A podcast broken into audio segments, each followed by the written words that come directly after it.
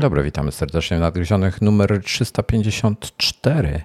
E, w piątek, piąteczek, piątunia. Cześć Tomas. Cześć. E, jesteśmy z wami tutaj, a wy jesteście z nami, bo was jest wielu. E, I e, właśnie spojrzałem na licznik. E, wielu. E, I zapomniałem tweeta napisać, więc go teraz skrobnę, ale chciałem zacząć od twojego Severance. Tak, źle powiedziałem. Jest jeszcze jeden odcinek. Ten ostatni nie był finałowy, a wprowadziło mnie w błąd to, że jak się w, chciał wygooglować mm, total numbers, e, e, no to, całkowitą e, liczbę epizodów, to pokazywało, że będzie ich właśnie tyle, ile tam było, 8. No, ale jednak nie. Więc jeszcze dzisiaj ostatni i trzyma poziom cały czas tak samo dobrze. I dodatkowo jeszcze Apple potwierdziło kilka dni temu, że będzie kolejny sezon. Więc super. Ja jeszcze nie zacząłem Severance oglądać, mm, więc e, nie wiem, co tam się dzieje. Zupełnie. No, dla przypomnienia, jeśli ktoś ominął ostatni odcinek, to jest ten serial, w którym ludzie wchodząc do pracy, do pracy nie zapominają o swoim mi. życiu. Nie, nie, to jest y, sens całego serialu. Zapominają ja o swoim normalnym ja życiu. Ja o tym zapomniałem. Okej. Okay. Czyli macie całkowicie odrębne życie prywatne i zawodowe. Dobrze. Okej, okay. ja Severance na pewno obejrzę. Na razie, na razie z, przerobiliśmy po nie wiem, nie wiem dlaczego nawet. Gdzieś mi wpadło w, powiadom- w, te, w polecenia, więc to zrobiłem. Um, przerobiliśmy Suicide, Suicide Squad cały, czyli firmy, e, e, film Suicide Squad, film Birds of Prey, e, The Fantas coś tam, nie Fantastical, tylko jakieś inne, Emancip Emancipation of um, Harley Quinn i i, i, i, I teraz jest nowy film, który się pojawił dosłownie niedawno, The Suicide Squad. Czyli jest to sequel i dodali The z przodu. I dzięki temu mamy trzeci film. I są tak absurdalne te wszystkie filmy. Znaczy, wiesz, gdyby nie Margot Robbie, to bym, to bym się poddał, ale kocham Margot Robbie, więc wytrzymałem. Miesiąc temu oglądałem ten drugi, e, Birds of Prey. No. Było ok. Było dużo lepsze niż ten poprzedni, ale nawet nie wiedziałem, że są jakieś kolejne. Natomiast wiem, że jest e, doskonała kresku, e, kreskówka, animacja o chyba Jokerze i Harley Quinn, ale nie widziałem jej jeszcze i nie wiem, gdzie jest dostępna. Która? Która jeszcze raz? Jaki tytuł? Y, no właśnie tytułu nie pamiętam, ale wiem, że jest o niej i o Jokerze. Ale to w międzyczasie no to, to jest, sobie to spróbuję jest pierwsza, To jest pierwsza część Birds of Prey. Y, to jest pierwsza część y, Suicide Squad po prostu. Ale nie, nie, ja mówię o mm, animacji, że nie pamiętam A, tytułu tej animacji. Mhm. Okej, okay, sorry. Dobra, zrezygnowałem z Netflixa. Mm, tak, to chyba była łatwa decyzja, no bo jednak ten HBO Max się pojawił i lada moment będzie Disney. E, wiesz co, no będzie Disney w czerwcu jakoś u nas, czyli za jakieś dwa miesiące z hakiem. E, powiem ci, co ciekawe w ogóle, bo tak jak, jak e, Netflixa od jakiegoś czasu nie, nie oglądamy, tylko co innego korzystaliśmy z HBO głównie i z coś tam na Amazon Prime mm, i co jeszcze? I i, i, i, a, no i Apple TV oczywiście. I jakiś, a, ostatnio jakiś film wypożyczaliśmy w ogóle z iTunesa, także no, także tak. Ale y, właśnie na Netflixa wszedłem tak przed, przed skancelowaniem, tak chciałem zobaczyć, co mi tam podpowiada i powiem Ci, że podpowie, y, kupa fajnych filmów, takich starszych, co prawda, które już widziałem, ale które lubię sobie oglądać od czasu do czasu. Skoczyło, więc takie irytujące to jest. Ale, ale ten, ale zrezygnowałem. Kurde, jak mi słońce wali po twarzy. E, no i co dalej? Ja będę musiał chyba okno uchylić, bo mi się gorąco zaczyna robić. E, I co dalej? Dalej mamy taką akcję, że teraz nie za bardzo wiem, co z tym Netflixem robić w przyszłości. Czy ja go myślę, wykupywać od czasu do czasu? Y, ja, ja, myślę, że Netflix w ogóle nie przewidział, że się pojawią te wszystkie streamingi w takich cenach, bo Netflix zaczynał, kiedy ich nie było i teraz ta konkurencja się pojawiła tak dużo tańsza niż, niż to, co oni oferują. I to będą ciężkie czasy dla nich. Y, bardzo ciężkie. Wydaje mi się, zresztą zaczęły im spadać. Mm, inaczej, przestały im rosnąć subskrypcje, mm. więc jest taki znak, że coś, coś złego się dzieje. Mm. Ale no, jeszcze Polska jest w trochę innej sytuacji, bo Polska ma wyjątkowo niskie ceny, jeśli chodzi o streamingi, a Netflix jest chyba tak jak wszędzie indziej. tak. a pozostałe streamingi już niekoniecznie. W Stanach Zjednoczonych podejrzewam, że to nie jest taki prosty wybór rezygnacja z tego Netflixa. Ale wiesz, no, że ten... To, że różnica w cenie jest mniejsza. Wiesz, że znowu podnoszą cenę? E, Ale od... dopiero co podnieśli. W niedzielę 17, 17 kwietnia 2022 roku e, będzie wzrost ceny, zależy od planu. Premium plan e, z 4K e, wzrośnie z 18 do 20 dolarów. Standardowy z 14 do 15,5. Okej, okay, ale to są podwyżki takie globalne i rozumiem, że one nas nie dotyczą, że myśmy mieli tą ostatnią i tak już zostaje, tak? Nie, no właśnie tego nie za bardzo wiem. Według mnie to nas też czeka kolejna podwyżka. Mhm. Tak, tak to rozumiem. No, e... Netflix, bo co, co nie mogą zrobić? Albo mogą dalej utrzymywać liczbę produkcji, jakość tych produkcji, bo jednak mają trochę fajnych seriali i podnosić ceny, albo zacząć produkować dużo, dużo mniej. No bo inaczej chyba nie da rady. Ja bym chciał, żeby zaczęli produkować mniej, żeby to były bardziej jakościowe produkcje, no ale oni nigdy nie chcieli być drugim HBO. Y, oni zawsze chcieli być odpowiednikiem y, płyt na DVD, czyli dużo różnej jakości. No, ale wiesz co, słuchaj, oni podnosząc ceny w ten sposób, dobra, ja rozumiem, oni mają bardzo duży katalog i ja podejrzewam, że e, i, i, i, wiele osób korzysta z tego, że wiesz, kilka osób się zrzuca na jedno konto. I są usługi, ja nie lubię z takich akcji korzystać, nie korzystam z tego typu rzeczy, e, gdzie masz taką jakąś usługę, jakaś firma oczywiście w Polsce powstała, no bo czemu nie, e, gdzie, kurde, nie lubię takich akcji po prostu. Jakaś firma, gdzie tam się zapisujesz i dostajesz tam za 10 zeta, dostajesz pełny pakiet. Oni po prostu zbierają typu 5 osób czy 4 osoby e, i, i wiesz, i dają ci dostęp, tak? Tak, to też na Allegro jest mnóstwo takich ofert. Y, no. Jakieś dzielone konta, które później znikają, trzeba zakładać nowe i tak w kółko. No, to, to teraz takie, to taka jakaś firma jest bardziej oficjalna. Zaraz ktoś się do nich dowali, bo to jest przecież y, wątpię, aby to było legalne. Y, także, także Netflix u mnie wyleciał. Szkoda, bo wiesz, no fajne tam rzeczy się pojawiają. Ale ten, ale po prostu za dużo. No, to już za dużo. To jest za, za jeden kanał 60 zł. Płacicie teraz pod, za, po podwyżce pewnie 65 czy 8 zł by było jeśli oni podniosą u nas, to to jest za dużo. I w ogóle wiesz, kolejna podwyżka, tak? Więc e, w ogóle ta nasza podwyżka, ta na, te na 60 zł, tam z 50 paru na 60 zł, to ona była po dużym opóźnieniu, bo na świecie ta podwyżka jakoś już, już dawno temu weszła, a u nas było, był kilkumiesięczny poślizg, wiesz? Mhm. E, I, mm, I tak jakoś, no średnio, średnio to wszystko y, ma sens. Nie, nie rozumiem, czemu musieliśmy tyle czekać na tą podwyżkę. I nie wiem, ile będziemy teraz czekali na kolejną, bo wiesz, y, jak teraz podnoszą w kwietniu, tak, 22 mówimy, bo czy 7 y, podnoszą na świecie, no to kiedy ona dotrze do Polski? Czy w ogóle dotrze? Mhm. Także taka um, dziwna akcja. No i jeszcze jeśli chodzi o jakość, to Netflix odstaje od czołówki, więc gdyby to chociaż była jakość taka, no już nawet nie mówię jak Blu-ray, y, mówię o samej jakości obrazu, y, nie o jakości produkcji. No, nie wygląda to tak jak filmy na Disneyu i na Apple TV. Wydaje mi się, że nawet Amazon Prime ma lepszą jakość. Najlepsza jest w ogóle chyba jak się wypożycza film przez iTunesa, wtedy masz chyba najlepszą jakość.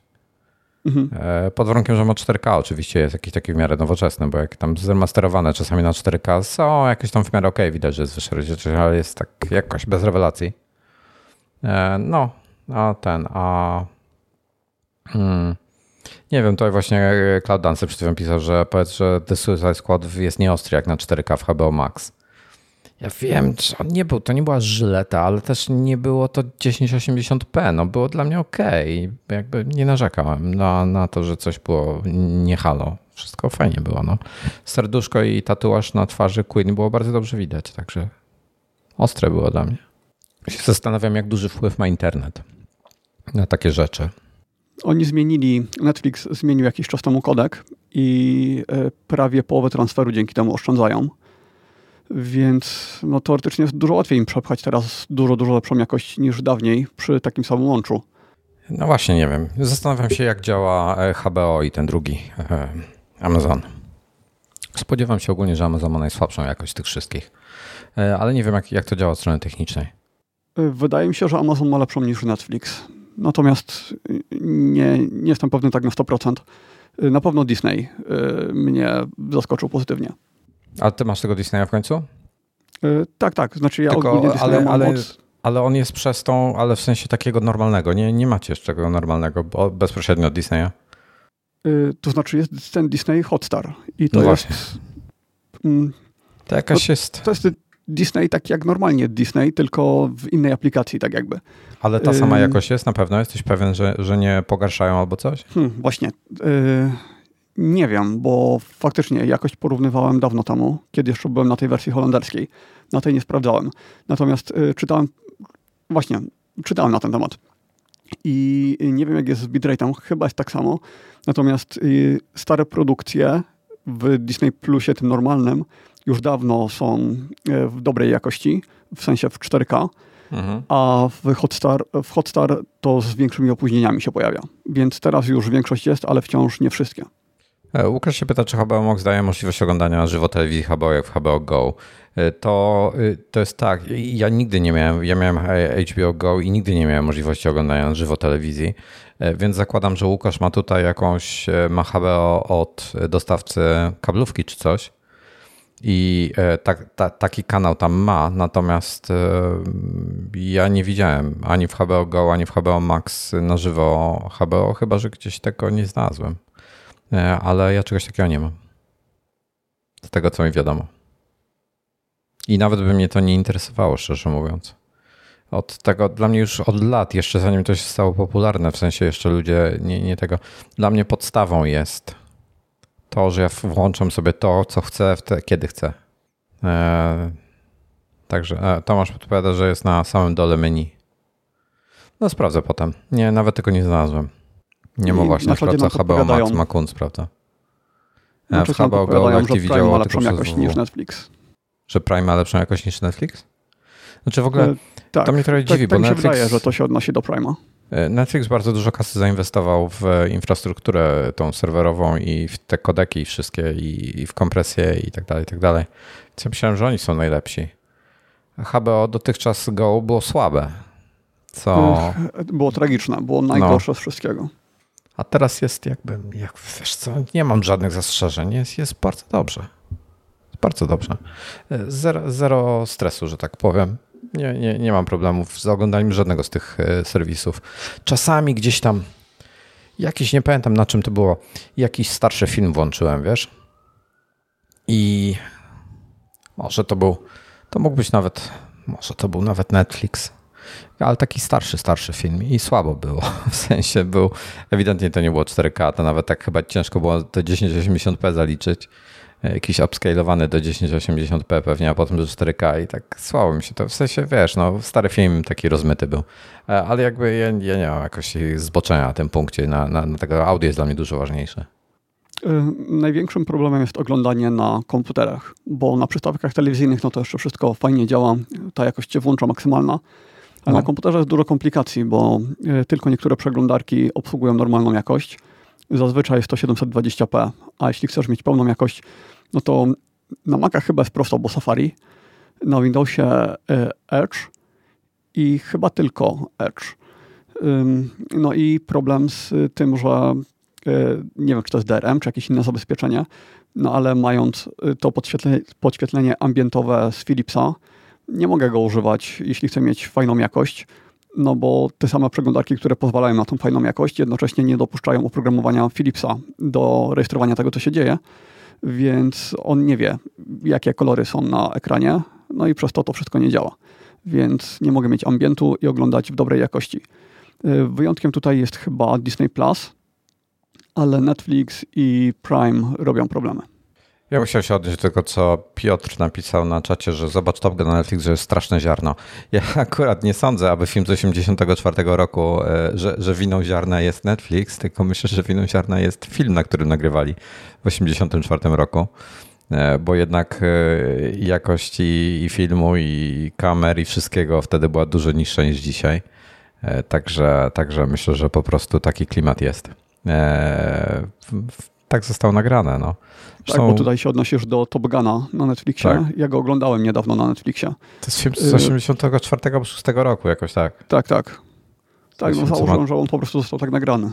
No. Chociaż no. nie wiem, no nie porównywałem go z Blu-rayem, ale Najlepszy... wydaje mi się, że nie byłoby dużej różnicy. Najfajniejszy film, e, jaki oglądałem, to był ten. To był, um, jeśli chodzi o, o, o, o, wszystkie zdjęcia, jakby to, jak zdjęcia były zrobione. W sensie mi chodzi o plastykę, o ziarno, o kolory, o e, kontrast obrazu.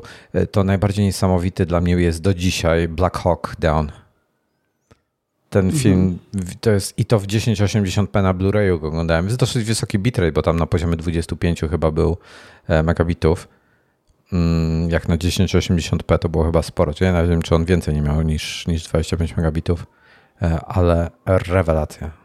To ja mam zupełnie inny typ. E, dla mnie pierwszy Pacific Rim, który się dzieje prawie całkowicie w nocy przy tych neonowych światłach Tokio, taki fiolet i, właściwie nie fiolet, róż i niebieski mhm. I cały czas padający deszcz, to dla mnie to wygląda rewelacyjnie i zawsze jak chcę sobie zobaczyć fajne, fajną jakość, no to odpalam to w pierwszej kolejności, żeby, no, dla mnie to jest taki benchmark. E, no to, to z takich wizualnych, jeśli, no Black Hawk Down jest dla mnie absolutnym majstersztykiem, w ogóle genialny film. Um, natomiast, um, o Jezu, e, Blade Runner nowy, ten 2049. Mhm. E, absolutnie rewelacyjne, e, rewelacyjne kolory i scenografia i mistrzostwo świata. O tak, to, to się zgadzam. To zrobiło na mnie ogromne wrażenie. To było, to było naprawdę coś. Dobra, e, kończymy temat filmów. Mhm. Chciałbym o, o moim follow-up do biurka zrobić. Jestem bardzo zadowolony, powiem Ci szczerze. Jest zaskakujące. Jestem zaskoczony, jak szybko się nas przestawiłem do e, chodzenia. W zasadzie tylko siedzę na nagranie. Tak to cały czas na stojąco przed nim pracuję. E, I jak, jak pracuję na stojąco, to mam bieżnie, no to chodzę od razu. Jakby nie, nie rzadko kiedy mi się zdarza tylko, tylko stać. Od razu sobie tam wchodzę, mhm. włączam chodzę. 3 km na godzinę ten standard chyba co jest. E, jest ok. Mogę, mogę szybciej, ale przy, tym, przy tych trzech jest mi wygodnie, super komfortowo. W sensie, e, jak coś precyzyjnie muszę nawet robić e, myszkę kursorem na ekranie, to nie mam problemów z, z koordynacją, co mnie zaskoczyło na maksa. I jakby tak, zero... pamiętam, że się obawiałeś, że na przykład gdzieś no, tam no. przy cięciu timeline'ów, czy, czy nie będzie problemu. Żadnego. Dla mnie właśnie timeline'y to jest moje, moje ulubione zajęcie, kiedy stoję. To jest pisanie na klawiaturze właśnie ty miałeś też, bałeś się pisania, że będzie tak jak z klawiaturą ekranową. No. Okej, okay, czyli, czyli jest ok. Jestem w szoku. Mhm. Jestem absolutnie w szoku. Absolutnie żadnych stresów. Biurko jest super stabilne, w ogóle się nie trzęsie. Nie mam żadnych problemów z pisaniem, z obsługą trackpada. No po prostu rewelacja. No, czyli mamy takie same doświadczenia. No. Ja akurat spisuję swoje, e, zanim zaczęliśmy nagrywać, to pisałem artykuł na ten temat, e, bo mija rok od kiedy korzystam w ten sposób, więc po, podsumowuję swoje doświadczenia. E, no i właściwie tylko same pozytywy. Poza tym jednym zastrzeżeniem, że jeśli chcę pracować na tablecie piórkowym, no to niestety wtedy nie mam precyzji takiej jak normalnie. No bo w momencie, kiedy stawiam nogę na bieżni, to ten palec, ta ręka zawsze trochę uskakuje Y, i y, robiąc retusz jakiś taki mm, bardzo dokładny, typu dorysowywanie rzęsy, no to nie byłem tego w stanie zrobić, ale do całej reszty rzeczy super. Ale y, czy ty miałeś kilka takich luźniejszych dni, czy po, po 12 godzin stoisz teraz dziennie? Nie, nie stoję po 12 godzin. Wiesz co, bo ja wiem, tak przed samym, nie wiem, z kroków robisz to? Mhm. Wiesz co, różnie, mam problem z zliczaniem kroków, bo y, Apple Watch, jak, jak, mam, jak mam rękę na biurku, to Apple Watch mi nie zlicza. Telefonu nie mam w kieszeni, no bo nie noszę, kurde, po domu telefonu w kieszeni, to więc telefon mi nie zlicza. Y, I jedyne, co mi zlicza, to mi zlicza, y, no, ESO, Walking Pad, tak? I on przez tą aplikację, on wypycha te dane do Health, to co on tam zliczy, Mhm. Ale health tak jakby, kurde, wiesz, raz zaliczy to, raz tego nie zaliczy. Nie, nie, wiesz, Muszę to, to jest, y, ja, ja o tym mówiłem w tym epizodzie, ale to już było rok temu prawie. No ja nie pamiętam działa. tego. Tak, i w skrócie chodzi o to, że Apple bierze pod uwagę tylko tą opcję, którą w Apple Health ustawisz w krokach jako pierwszą, czyli masz tam serię urządzeń, z których korzystasz i tam będą wszystkie zegarki, jakie miałeś do tej pory, wszystkie iPhony po kolei, no i między innymi ta bieżnia. A to ja się, to ja się nie zgodzę z tobą. Od razu, od razu ci przerwę i powiem, że się nie zgodzę. Tak, ale, ale ja to bo testowałem. Ma, bo mam mhm. dni, że mimo, że wiesz, chodzę na co dzień gdzieś, wiesz, poza jakby bieżnią, tak?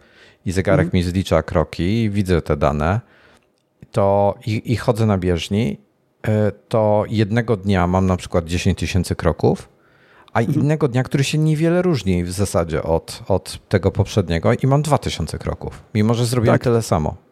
Mhm. E, tak, to różnica jest taka, że e, po prostu ręką trochę więcej pomachałeś w międzyczasie, bo na przykład zobaczyłeś coś na YouTubie w międzyczasie e, i on wtedy zaczął notować, że ok, to teraz, to teraz zaczynasz chodzić. Jak sobie zmienisz kolejność urządzeń w Apple Health, to zobaczysz, że wszystkie statystyki nagle ci się zmienią, że całe te wykresy z ubiegłych kilku lat zostaną przearanżowane. Więc twoje średnie kroków z ubiegłych lat się pozmieniają Y, sprawdzałem to, więc tego jestem pewny na 100% i u mnie było tak, że musiałem sobie ustawić iPhone'a jako pierwsze urządzenie i zawsze z nim chodzę, więc już się tak nauczyłem. A jeśli a chcesz wypychać się... informacje z bieżni, no to musisz cały kolejność? czas mieć aplikację uruchomioną. Y, wchodzisz na kroki i tam gdzieś są urządzenia rejestrujące coś takiego. Zaraz wezmę telefon i sprawdzę. No dobra, data, data sources. No i tutaj są, muszę data source przesunąć, tak? Tak, tak. I to, co jest na samej górze, to z tego będziesz miał generowane wykresy, przekazywane dane do pedometer i tak dalej. Czyli KS Fita nie weźmie jednocześnie z kilku urządzeń. Czyli KS Fit, który jest moim źródłem kroków, nie, ja powinienem KS Fit sobie, jak nie chodzę z zegarkiem, dać na górę. Jak nie chodzę z telefonem. Ym, no ale wtedy co jeśli nie będziesz chodził na bieżni, tylko będziesz chodził normalnie po mieszkaniu? To ja nie wiem, czy z racji tego, że to jest urządzenie nie, nieubieralne, to czy iPhone będzie wiedział, że w takim razie ma brać dane z czego innego, czy zrobi tak jak w przypadku zegarka i telefonu, że całkowicie to zignoruje. No kurde, powiem ci, że głupio jest to zrobione, wiesz? Wkurzające to jest. Tak, powinno być tak jak e, ma Pedometer++. Dlatego wszystkim polecam instalację tego i e, no i analizowanie tylko danych z tego, z tego programu. Ale strasznie różnie mi to liczę. Słuchaj, mam tak. Powiem ci, jakie mam, jakie mam akcje. 9300 kroków, 33 kroki. 1500 kroków, 5300 kroków, 8000, 7500, 2000, 10000, 2000, 4000 i dzisiaj mam na przykład 500. Mhm. Wiesz, jest. Podaj tutaj mam 10 tysięcy, 10 tysięcy, 12 tysięcy, 9 tysięcy, 8, wiesz, znowu 11. Jest tak zupełnie w ogóle to jest. I to, to są dane z tego, z Pedometer, tylko mówię, nie chodzę po domu z telefonem. Więc to jest to, co on zbierze sobie z aplikacji Health. To on wyświetla. Mhm. To jest bez sensu. Tak, to znaczy Pedometer wyświetla trochę inaczej dane, bo on zbiera z aplikacji Health i później I jeszcze to synchronizuje tak. z zegarkiem, więc jest o tyle lepiej. No ale tak czy tak, musisz zacząć chodzić z telefonem. Ja myślałem nad różnymi opcjami, nad zegarkiem dodatkowym montowanym na kostce i tak dalej. No, no właśnie myślałem o telefon... tym, żeby zegarek zacząć na kostce montować. No, no tak, tylko Apple Watch trzeba ładować dzień w dzień. A i to nie tylko o to chodzi. Ale bo... czekaj, jakie ty masz Apple Watcha? Yy, czwórkę. A nie. wiesz co, ja treningi, nie, to ja używam trzymać. treningów i śpię. Ja śpię z zegarkiem i używam treningów Aha, ja nie śpię. Ja zawsze w nocy ładuję. Mhm. Y, no i właśnie treningi. Tu się pojawia kolejna komplikacja. Y, czy masz pododawane jakieś osoby w aplikacji tej fitnessowej, że widzisz ile kroków robią twoi znajomi, jakie A, mają no, treningi no, i tak dalej? Żona mam dodane, no. Tak, no więc y, żona będzie widziała zupełnie inne rezultaty niż te, które masz w Apple Health dlatego że Apple Health i Fitness to są jakby dwa osobne źródła danych. Więc fitness bierze pod uwagę tylko to, co masz w zegarku. Ignoruje całkowicie telefon. Y, czyli. Mm, panie Cloud y, Dancer, nie mamy 2000 roku. To 20 lat temu było popularne. Nadajniki do butów Nike. No, szukałem trochę takich rozwiązań i z tego co wiem, obecnej generacji, jak, jak się nazywają te urządzenia? Pidometer, krokomierza, krokomierza no. Y, powinny rejestrować poprawnie, niezależnie czy masz to na ręce, czy na nodze. No ale nie znalazłem niczego, co by mi się synchronizowało z Apple Health i jednocześnie, żeby te dane w fitnessie były poprawne. No nie da się tego tak zrobić. No więc noszę ten telefon cały czas i włączam treningi na Apple Watchu. No ale właśnie, twoja żona widzi inne dane niż ty i to zupełnie inne. Dlatego jeśli sobie włączysz trening... Znaczy ona tylko widzi kal kalorie, godziny wychodzone i, no, kroki, i exercise. Kroki też. Nie. Skąd ma widzieć? Ja widzę od moich znajomych, widzę ile chodzą dziennie.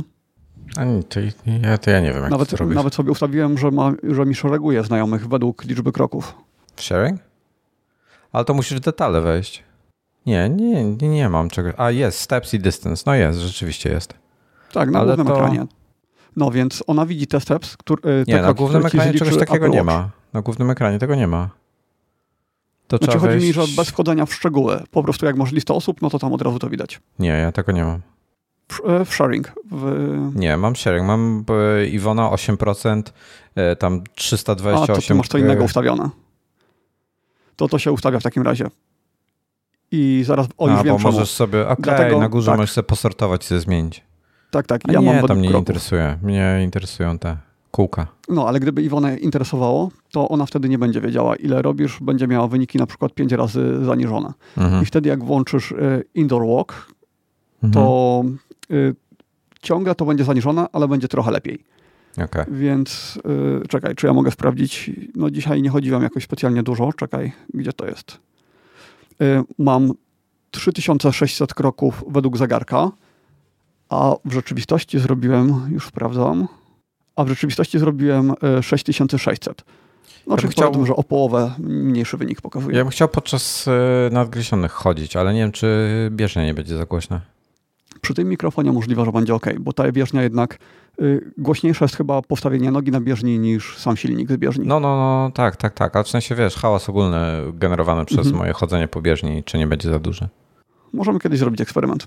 Możemy. Możemy zrobić nadgryzienie fitness. Tak, ja wtedy też mogę z drugiej kamery nagrywać. No. Będzie inny kadr, ale, ale damy radę. Dobra, no to jest okej. Okay. Czekaj, czekaj, buty, buty. Y, w czym ty na tym chodzisz? E, wiesz co, różnie. Albo w moich butach do biegania, albo na bosaka. Okej, okay, ale... Jakby nie, nie, nie mam żadnego dyskomfortu w kolanach. Ani... Tak, ale w samych stopach nie masz takiego wrażenia, że jakbyś robił y, dużo kilometrów, to na boso po prostu się nie da, w sensie, że jest dużo mniej wygodnie? Ja może jest mniej wygodnie, ale ja nie mam z tym problemu generalnie, wiesz? Mhm. Nie wiem dlaczego. Nie, nie miałem z tym nigdy problemu. Okay. To, to ten, to. No jest okay. No też 12 tysięcy kroków to jeszcze nie jest tak ekstremalnie. No. Ale jakbyś chciał chodzić dużo, to myślę, że szybko byś zrezygnował z tego całkowicie, że już tylko w butach byś chodził. Zrobiłem kiedy? Pamiętasz, jak zrobiłem 50 tysięcy kroków? Ile? 50 tysięcy. Wow, to dużo. To ja tyle mieliśmy, mieliśmy Fitbit Challenge. No ale co, ty to boso zrobiłeś? Ja z, w Japonkach. Wow. Na takiej, okay. na takiej podeszwie, wiesz, paru milimetrowej. Mhm. Na YouTubie jest dużo osób, które sobie robią challenge 100 tysięcy kroków. No ale to no. jest ekstremalnie, bo to w momencie, kiedy nie to śpisz, to robisz dwa kroki na sekundę. Y, a jeszcze by się przydało zjeść, chwilę odpocząć. Mm, no i, wiesz, i co, ludzie co często jestem... wymiękają przy tym. Jestem strasznie zły, bo, e, bo mi, i nie sprawdziłem wtedy. To był 20 e, czerwca 2000, 2017 rok. E, zobacz sobie na. Tam jest podane. Widzisz, że nie, nie mam odznaki 50 tysięcy. Tak. Jest Natomiast na, na, górze ja zrobiłem ponad 50 chyba z tego co pamiętam, a mi zaliczył pedometry plus plus, no nie sprawdziłem tego wtedy, zaliczył mi 49 405 kroków i mi hmm. 600 kroków zabrakło do odznaki 50 tysięcy. Sakra. No to teraz z bieżnią to jeszcze kiedyś poprawisz ten wynik. No może. No, w każdym razie ten, bardzo, bardzo fajna rzecz. E, kurde, powiem ci, że czasami, czasami wiesz, gdzieś jak sobie nastawiam na tą, na, czekaj, trójkę, czwórkę, piątkę, na pięć, to już jest takie prawie bieganie, tak? To już naprawdę trzeba przebierać. 5 km na godzinę, tak? No, no, no. Mhm to już tak trzeba, wiesz, jak się skupiam na czymś innym. Jeżeli tylko jestem na bieżni, to jest ok, ale jeżeli jeszcze robię coś i tak dalej, to mhm. gubię koordynację przy tej prędkości już. I powiem ci, że, e, że tak można się kurde spocić, jak jest ciepło. Mm, e, dla mnie, jak chodzę normalnie na zewnątrz, to 5 km na godzinę to jest moja standardowa prędkość, ale na bieżni tak nie potrafię. To znaczy, potrafię, jeśli oglądam film, jeśli. Tak, e, właśnie, jak robisz coś takiego lejtowego, tak, tak. prawda? Tak, a w momencie, kiedy bym chciał pisać na klawiaturze, no to już było, to było mniej wygodne. 4 O. km na godzinę to dla mnie super prędkość. y, 3,5 jak chcę mieć taki totalny luz. No dobra, to słuchaj, to ja proponuję, że za tydzień spróbujemy, zobaczymy jak, jak to wyjdzie. Mhm. Co z Okej. tym wyjdzie? Dobra, y, teraz tak, jeśli chodzi o samą bieżnię, chciałem z tobą o bieżni porozmawiać, bo ja mam tego y, Walking Pada R1 Pro, na którego mnie namówiłeś. Przez ciebie wydałem więcej pieniędzy niż chciałem. Tak, mamy Mm. te same modele. I się zastanawiam, czy, czy to czy był sens, czy, czy ten tańszy model nie byłby lepszy, czy też tak samo dobry. Mhm. Y, tańszy w sensie A1 Pro czy No, no, S1? o A1, o A1 myślę chyba, a może o S1, I jeden z tych Y, dwóch, nie, pamiętam czym się no, różnią. A1 podejrzewam, że jak najbardziej miałby sens. Y, No ja, ja kupiłem R1 dlatego, że akurat trafiło się w tej samej cenie co A1. Natomiast y, A1 jest o tyle fajniejsze, że jest węższe, więc y, zajmuje trochę mniej miejsca. Ale Mm. krótszy chyba też był, prawda? Dobrze kojarzę? Był chyba o typu o 20 cm krótszy, czy coś takiego. Tak dosyć Chy- mocno. Czy, nie, nie jestem pewien, który to był krótszy.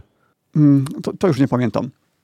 Natomiast y, no skoro mogą mieć podobnej cenie R1 i A1, no to wybór był prosty. Y, Większy dylemat jest pomiędzy tymi modelami dużo niższymi, czyli przede wszystkim S1. No, no. Bo S1 a to już S1 jest jest niższy niż dużo A1, mniejsza. tak?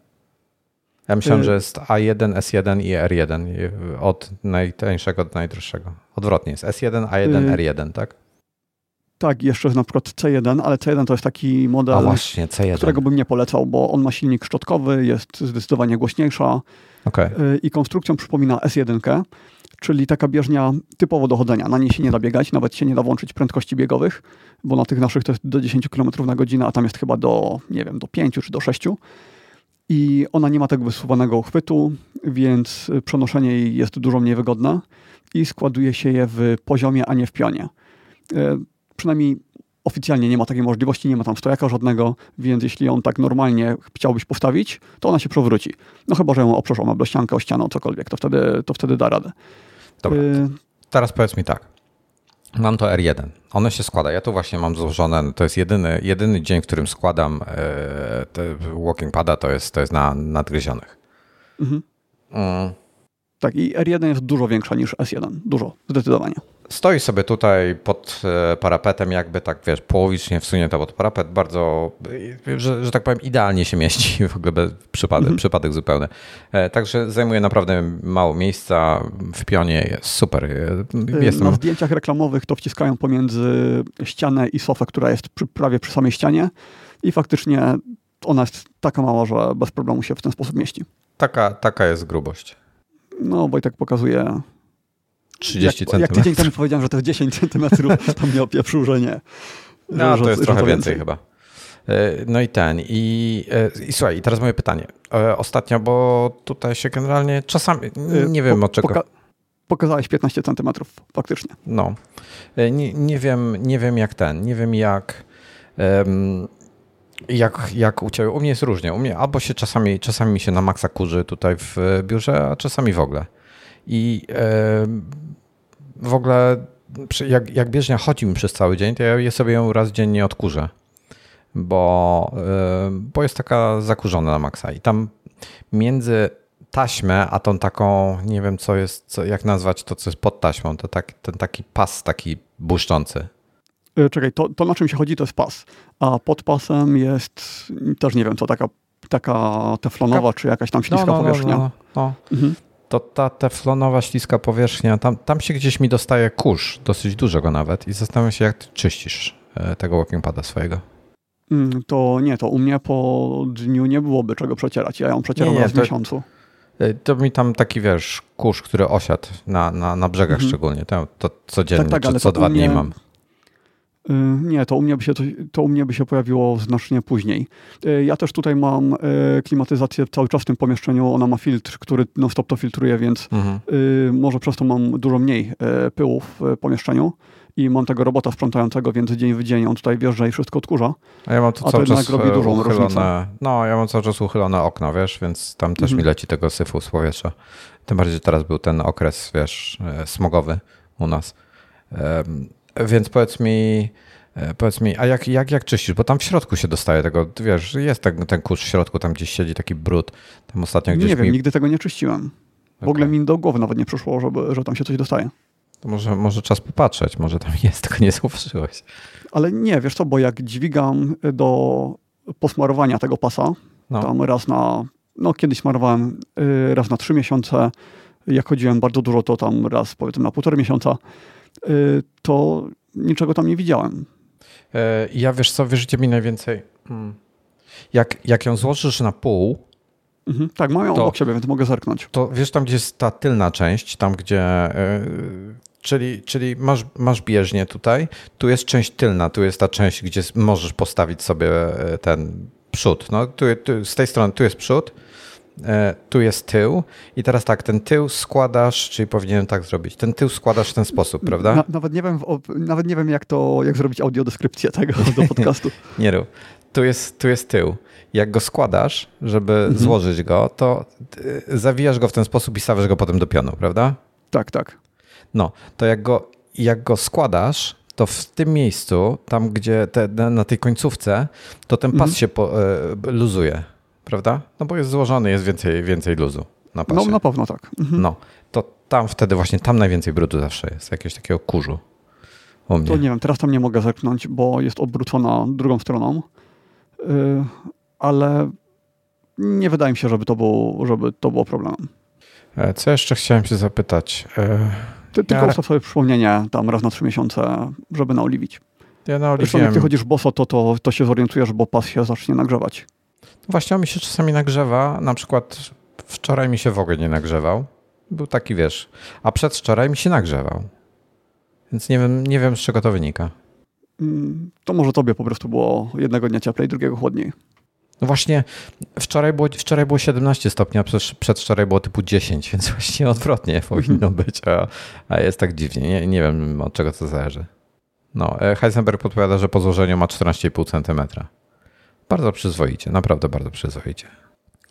Eee, no dobra, to będę sobie to obserwował, ale nie wiem właśnie jak tam, jak tam, jak to najskuteczniej czyścić, jak tam się najlepiej dostać e, do tego. Na przykład, czy w ogóle ten, te, te, ten taki teflonowy ten element, ten wewnętrzny mhm. pas, nazwijmy go, czy, czy jego w ogóle tam jakoś traktować, wiesz, odkurzaczem, czy, czy, czy szmatką, czy nie, coś, czy w ogóle nie, nie, go nie dotykać jest, lepiej? Nie, nie, nie dotykać, bo tam jest e, olej rozprowadzony, tylko taka, smar, tylko taka cienka warstwa, że tego nie widać, ale tego nie ścieraj, bo to tak jakbyś to smarowanie jest, yy, zniwelował. E, Jan Urbanowicz, może głupie pytanie, nie łatwiej iść na spacer, ale e, Jasiek. Ale kto ma czas, żeby chodzić 4 godziny dziennie na przykład? Ale 4 godziny dziennie będziesz chodził na spacer? Ja mogę, ja spaceruję podczas pracy. Potem mam czas na filmy dzięki temu. No wiesz, no. Tak, no u mnie rezultaty tego były takie, że yy, na początku dużo chodziłem i y, straciłem 25 centymetrów y, z brzucha. No a teraz jak już muszę chodzić y, więcej, inaczej, teraz jak już mm, staram się jeść więcej, bo chcę trochę przytyć, mhm. czyli znowu odwrotnie, no to muszę się hamować, żeby nie chodzić za dużo, bo spalałbym niepotrzebnie dużo kalorii. Mhm. I staram się teraz chodzić około 8000 km i w ogóle mi to nie wychodzi, chodzę więcej. 8000 y km to jest bardzo imponująca liczba. 8000 kroków i chodzę więcej. Mm, I wydaje mi się, że dla mnie taką idealną wartością to byłoby tak, jak ty chodzisz, 12 tysięcy kroków. Że to jest taka liczba, przy której y, jest to sam komfort. Nie trzeba w ogóle o tym myśleć zbytnio, że trzeba jeszcze coś tam chodzić, tylko to się robi tak odruchowo tyle.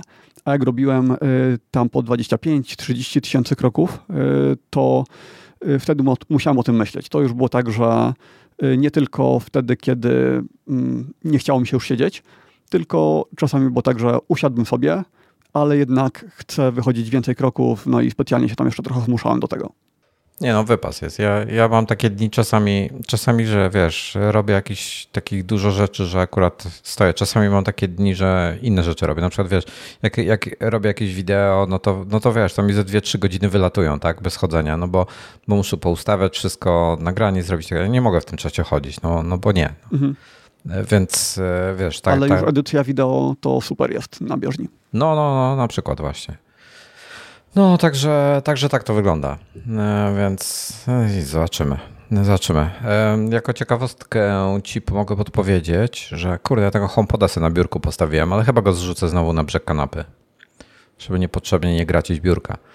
I tak a propos jeszcze tematów biurkowych, będę musiał trochę, trochę przerażować, bo jedzie, jedzie do mnie ten, jedzie do mnie monitor.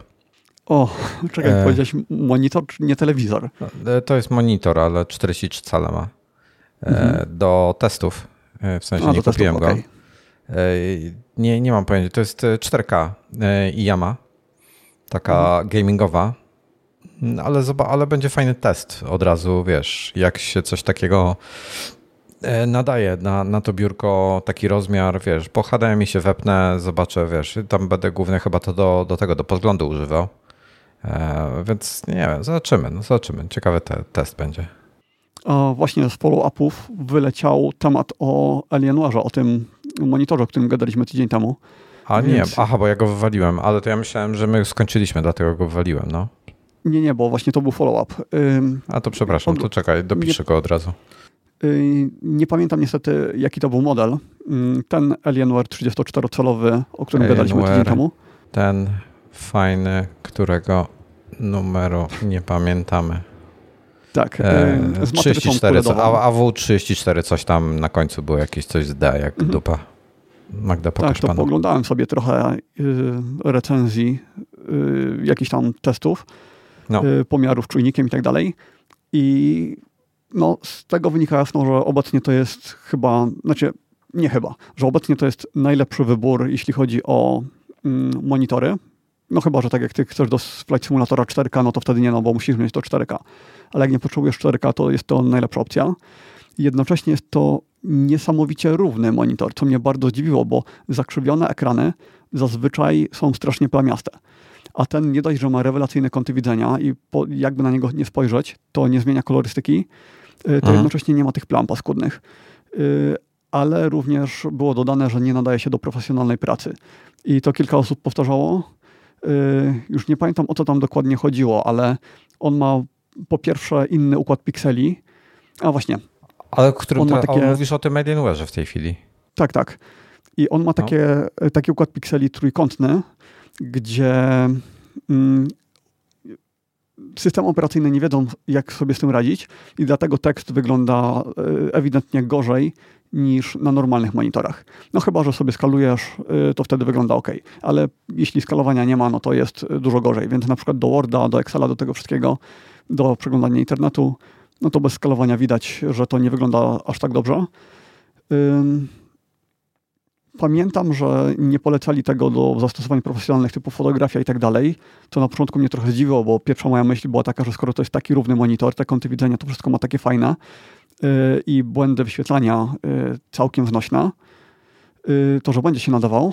Niestety go odradzali nie, nie, pamiętam szczegółów, nie pamiętam o co tam chodziło, ale myślę, że wrzucimy, y, podlinkuję dwa, trzy najfajniejsze testy, na które trafiłem, bo łatwo je znajdę. Y, to, to wrzucisz do opisu. Dobra. Y, tu, tu A, jest i jeszcze, i jeszcze jako alternatywa do tego właśnie.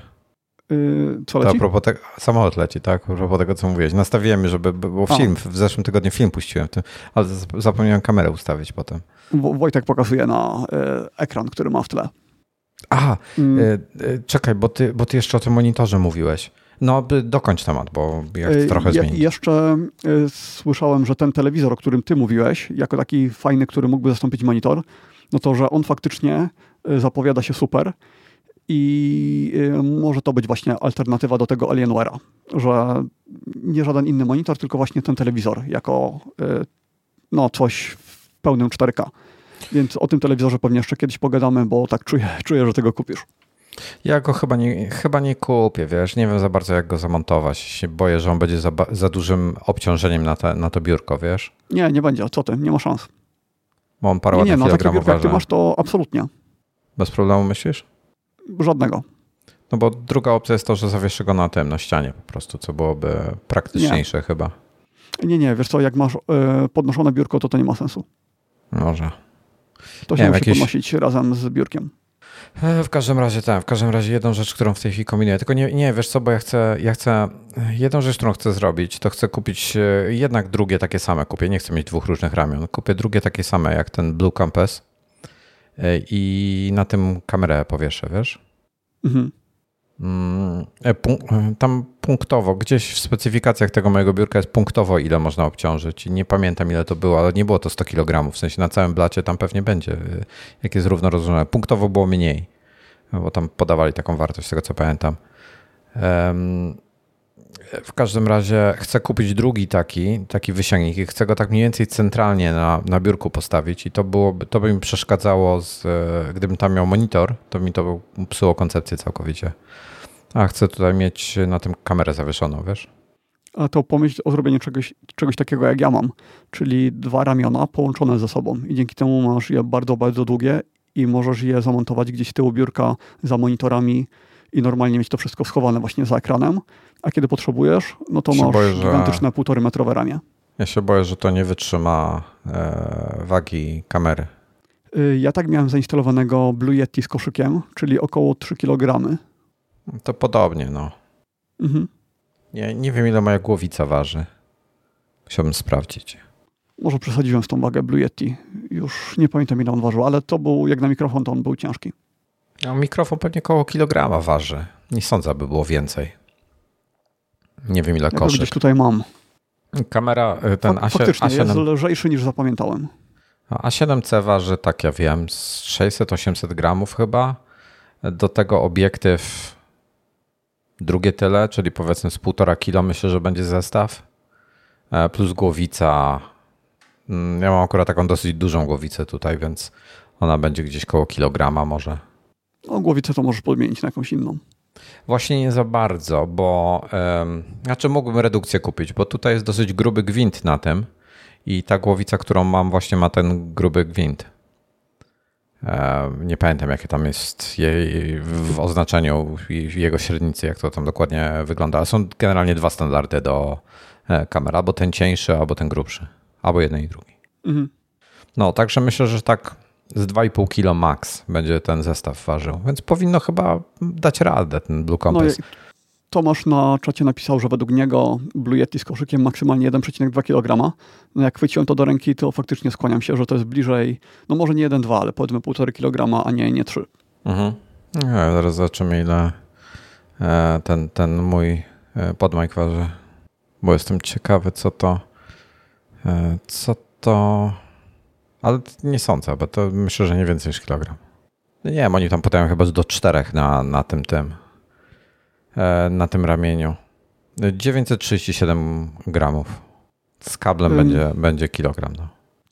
Okej, okay, czyli skoro kupujesz to ramię, to znaczy, że będziesz kręcił na tym biurku jakieś unboxingi, takie rzeczy. No, no, no. Y, czy w takim razie, mm, jak, jak rozwiążesz to, żeby mieć, żeby szybko zrobić y, miejsce na tym biurku?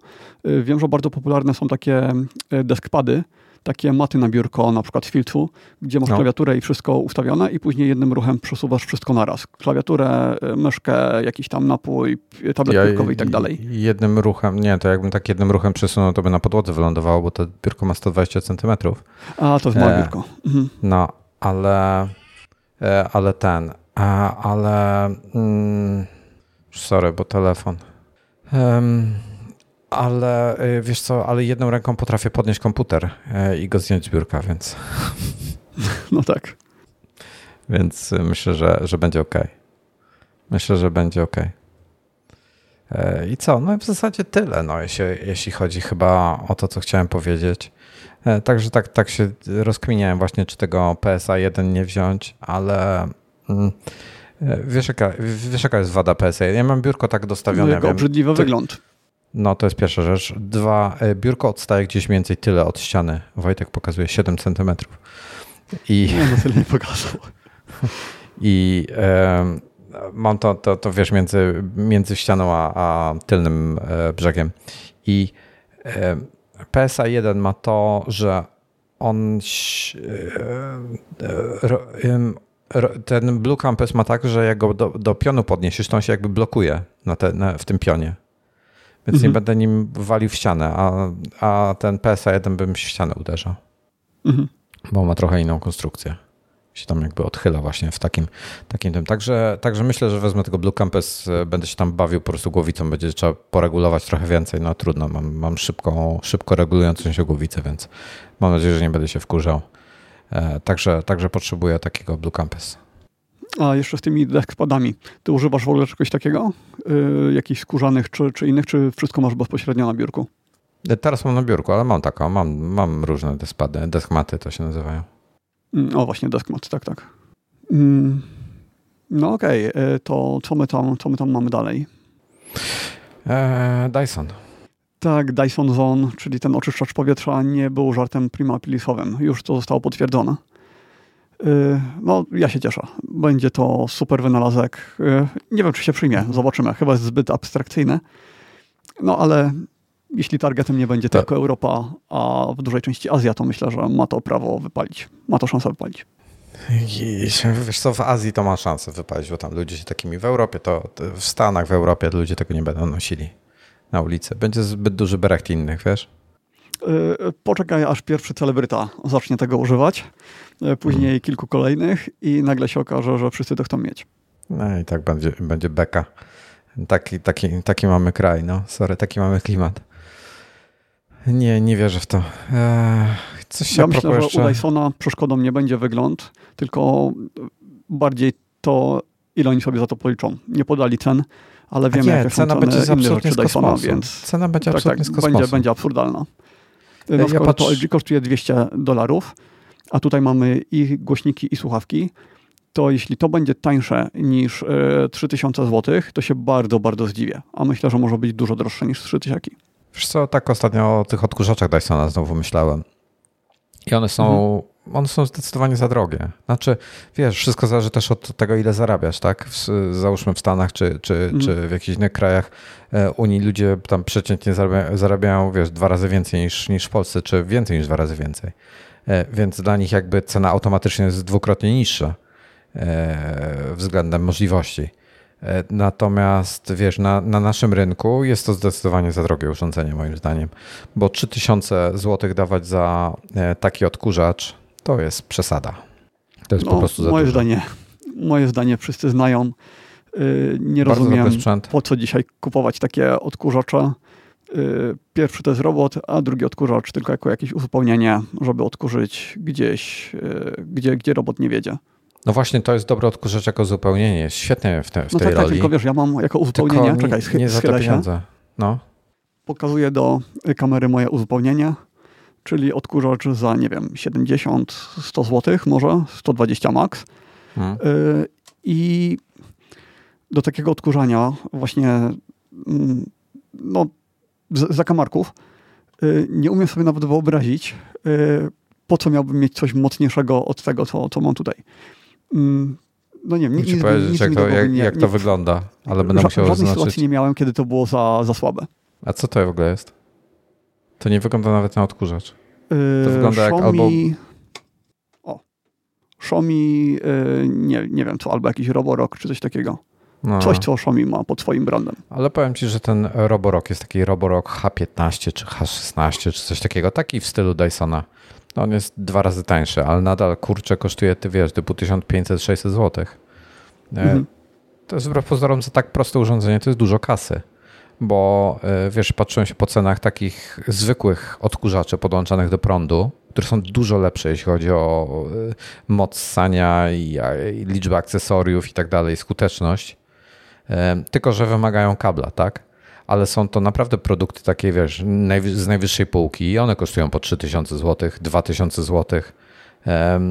3000 za taki full wypas, tak? 2000 e, za trochę, trochę e, gorszy standard, że tak powiem. Mniej akcesoriów w zestawie, jakiś ciut niższy model, e, mniej szczotek, czy tam model nawet chyba silnik chyba i tak dalej, to jest to samo, tylko po prostu mniej tych akcesoriów, bajerów mniej. I no i potem takie, wiesz, zupełnie rozsądne modele, które ja bym wziął, to w rejonie 1000 zł. Więc no jest kurde straszna różnica. Mhm.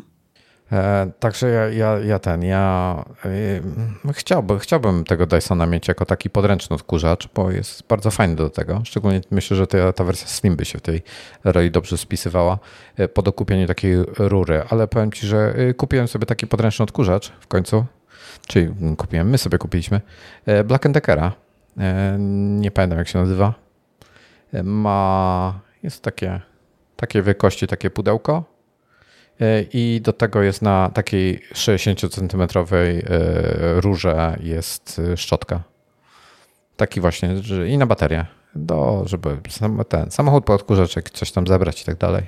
Taki, taki ma, mały, poręczny. I ile coś takiego u nich kosztuje? Jakieś 360 zł.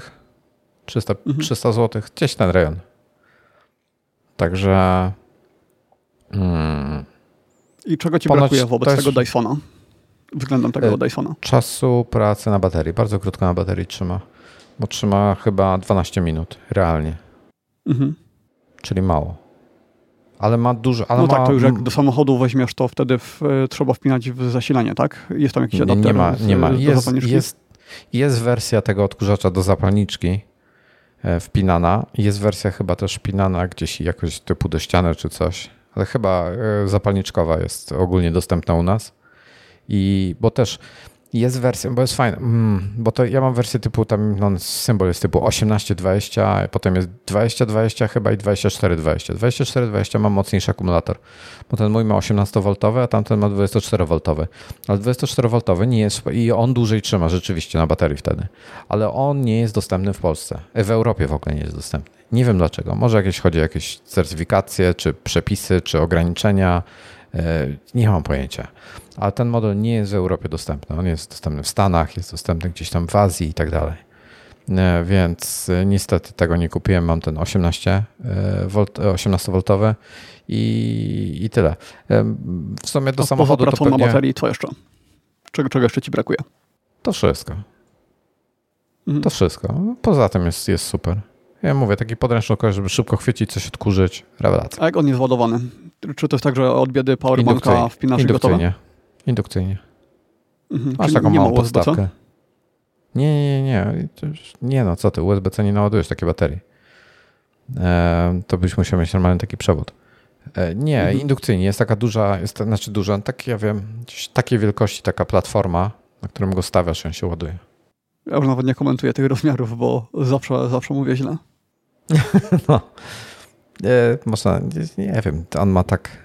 On je, podstawę ma wielkości Maca Mini, może ciut mniejszą nawet niż Mac Mini. Czyli tak z 15 no, na 15 okay, centymetrów. Mhm. No, może koło Nie, Mac Mini ma chyba 19,5. Cloud Dancer mówi, że ostatnio widział odkurzacz Samsunga za 4600. Kurde, no są takie drogie, wiesz, są potem odkurzacze, masz potem po 10, 20, 30 tysięcy złotych. To są już jakieś takie totalne wypasy. A to przemysłowe już chyba. E, nie, to są te typu jakieś te um, Kirby, Rainbow, te wszystkie inne. Mhm.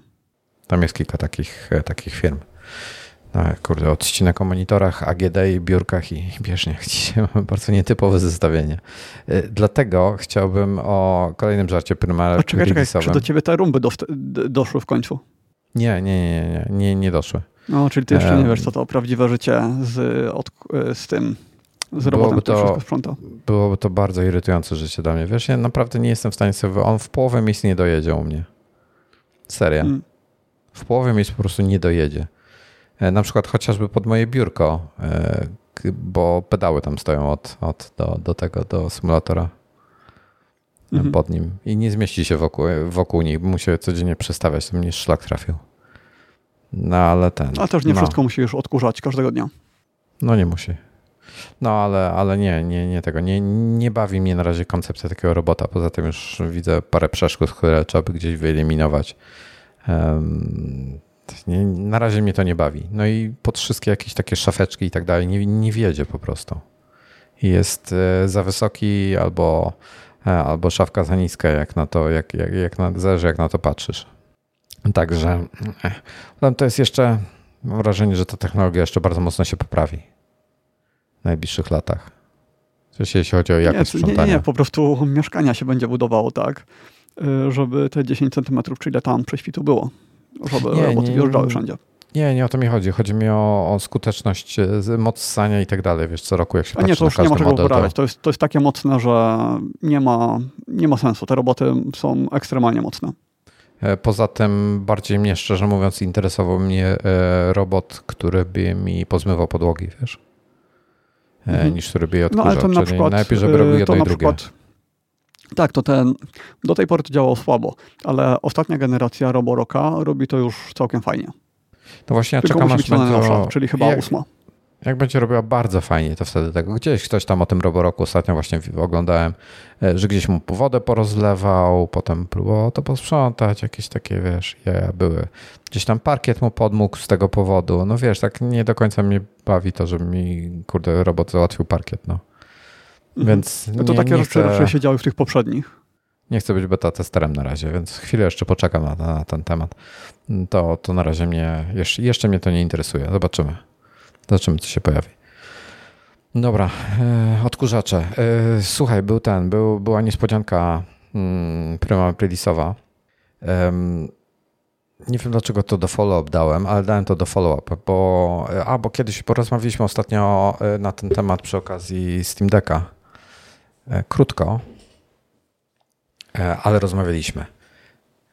E, Coś dopisałeś. Tak, żebym dodał linki do spisu treści. Nawet, Do nawet nie wiem. Nawet nie wiem, gdzie ten. Mogę tego StreamYarda wywalić z góry linka? Tak. Dobra. Nie pojawiło mi się. Anyway. Mm, O czym ja mówiłem? A, O, no właśnie. E, Pan Gilbert. Gilbert? Ron Gilbert? Dobrze mi się kojarzy. Pan Gilbert stworzył kiedyś e, taką grę, która się nazywa Secret, e, the, the Secret, e, of the Monkey Island. To była taka przygodówka, nie pamiętam, pod takim szyldem ona nawet była wydana wtedy, czy ona była od razu jako e, hmm, sprawdzę. E, w każdym razie e, on był chyba The Secret of Monkey Island, taki był chyba pierwszy tytuł. To jest z 99, ro- e, z 1000, przepraszam, e, 1990 rok, tak. E, A i właśnie Lucasfilm go wydał, czyli ci od e, tych, od em, Indiana Jonesa chociażby. E, I to jest Karaiby, piraci, moja ulubiona, e, mój ulubiony klimat, uwielbiam ten, ten okres. E, Główną rolę ty, gracz e, przejmuje sterowanie e, postacią, która się nazywa Guybrush Threepwood. I, I są, e, chodzi po wyspach, się, to, to jest taki point and click i, i musisz, wiesz, taka przygodówka i musisz tam rozwiązywać jakieś różne zagadki i tak dalej. Ja, Wiadomo ja o w co to nigdy chodzi. nie grałem. Ale czy to jest ten typ przygodówki, y, takie jak to kiedyś były, że połącz kij ze zszywaczem i Tak. wyjdzie ci patelnia? Tak, na tej zasadzie, tylko tutaj Mm, to jest... To, to takich nie lubię. Ale to jest ambitniejsze trochę. Bo ta gra ma w ogóle taki poziom e, komedii, e, że rewe- rewelacja. Naprawdę świetny. I rozumiem, że czekasz teraz na remake, tak? Remake czy kolejną część? No właśnie, chcę, czekaj, chcę znaleźć listę e, tego. W ogóle podpowiem, że ta gierka była dostępna na Amigę, Atari, ST, Classic macOS, e, DOS, Sega CD, iOS. O, na iOSie była. Faktycznie była na iOSie. Windows, e, PlayStation 3, Xbox 360. E, Ron Gilbert w ogóle jest geniuszem, jeśli chodzi o, o tego typu twórczość. I szukam historii w tej chwili. Em, Okej. A i były cztery sequele.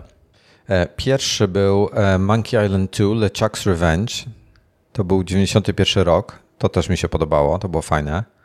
E, Potem The Curse of Monkey Island e, co, e, z- nową grafiką, w ogóle taki nowy poziom grafiki, zupełnie dużo lepiej. To wiesz, w tamtych czasach to był taki przeskok graficzny, że ja nie mogę, typu z 320 pikseli na 640, słuchaj. E, wiesz, przepaść. I potem był w 2000 roku, i to chyba już nie grałem, e, Escape from Monkey Island. Ale to już on nie robił, tak? To już kto, pod On wodą ro- kogoś innego? On robił chyba tylko i wyłącznie e, pierwszą część. Druga jeszcze się trzymała. E, director Ron Gilbert, Ron Chyba robił Gilbert. dwie, ale... Bo ja kojarzę, te, ja ten tytuł nigdy nie grałem, ale y, kojarzę, że coś takiego istniało. Nie, Ron Gilbert robił też LeChuck's Revenge. A Curse of Mhm. Monkey Island on już nie robił. E, ale pochwa- pochwalił twórczość. Ale pierwsze dwie części były jego. I, I potem on zrobił w ogóle parę innych fajnych rzeczy. E, bo Tak, ale niedawno... Ale, No. ale to, co robi teraz, ignoruje te kolejne części i y, jest kontynuacją tych dwóch, które on zrobił, tak? Nie, nie mam pojęcia. Wiesz co, nie wiem. Okej.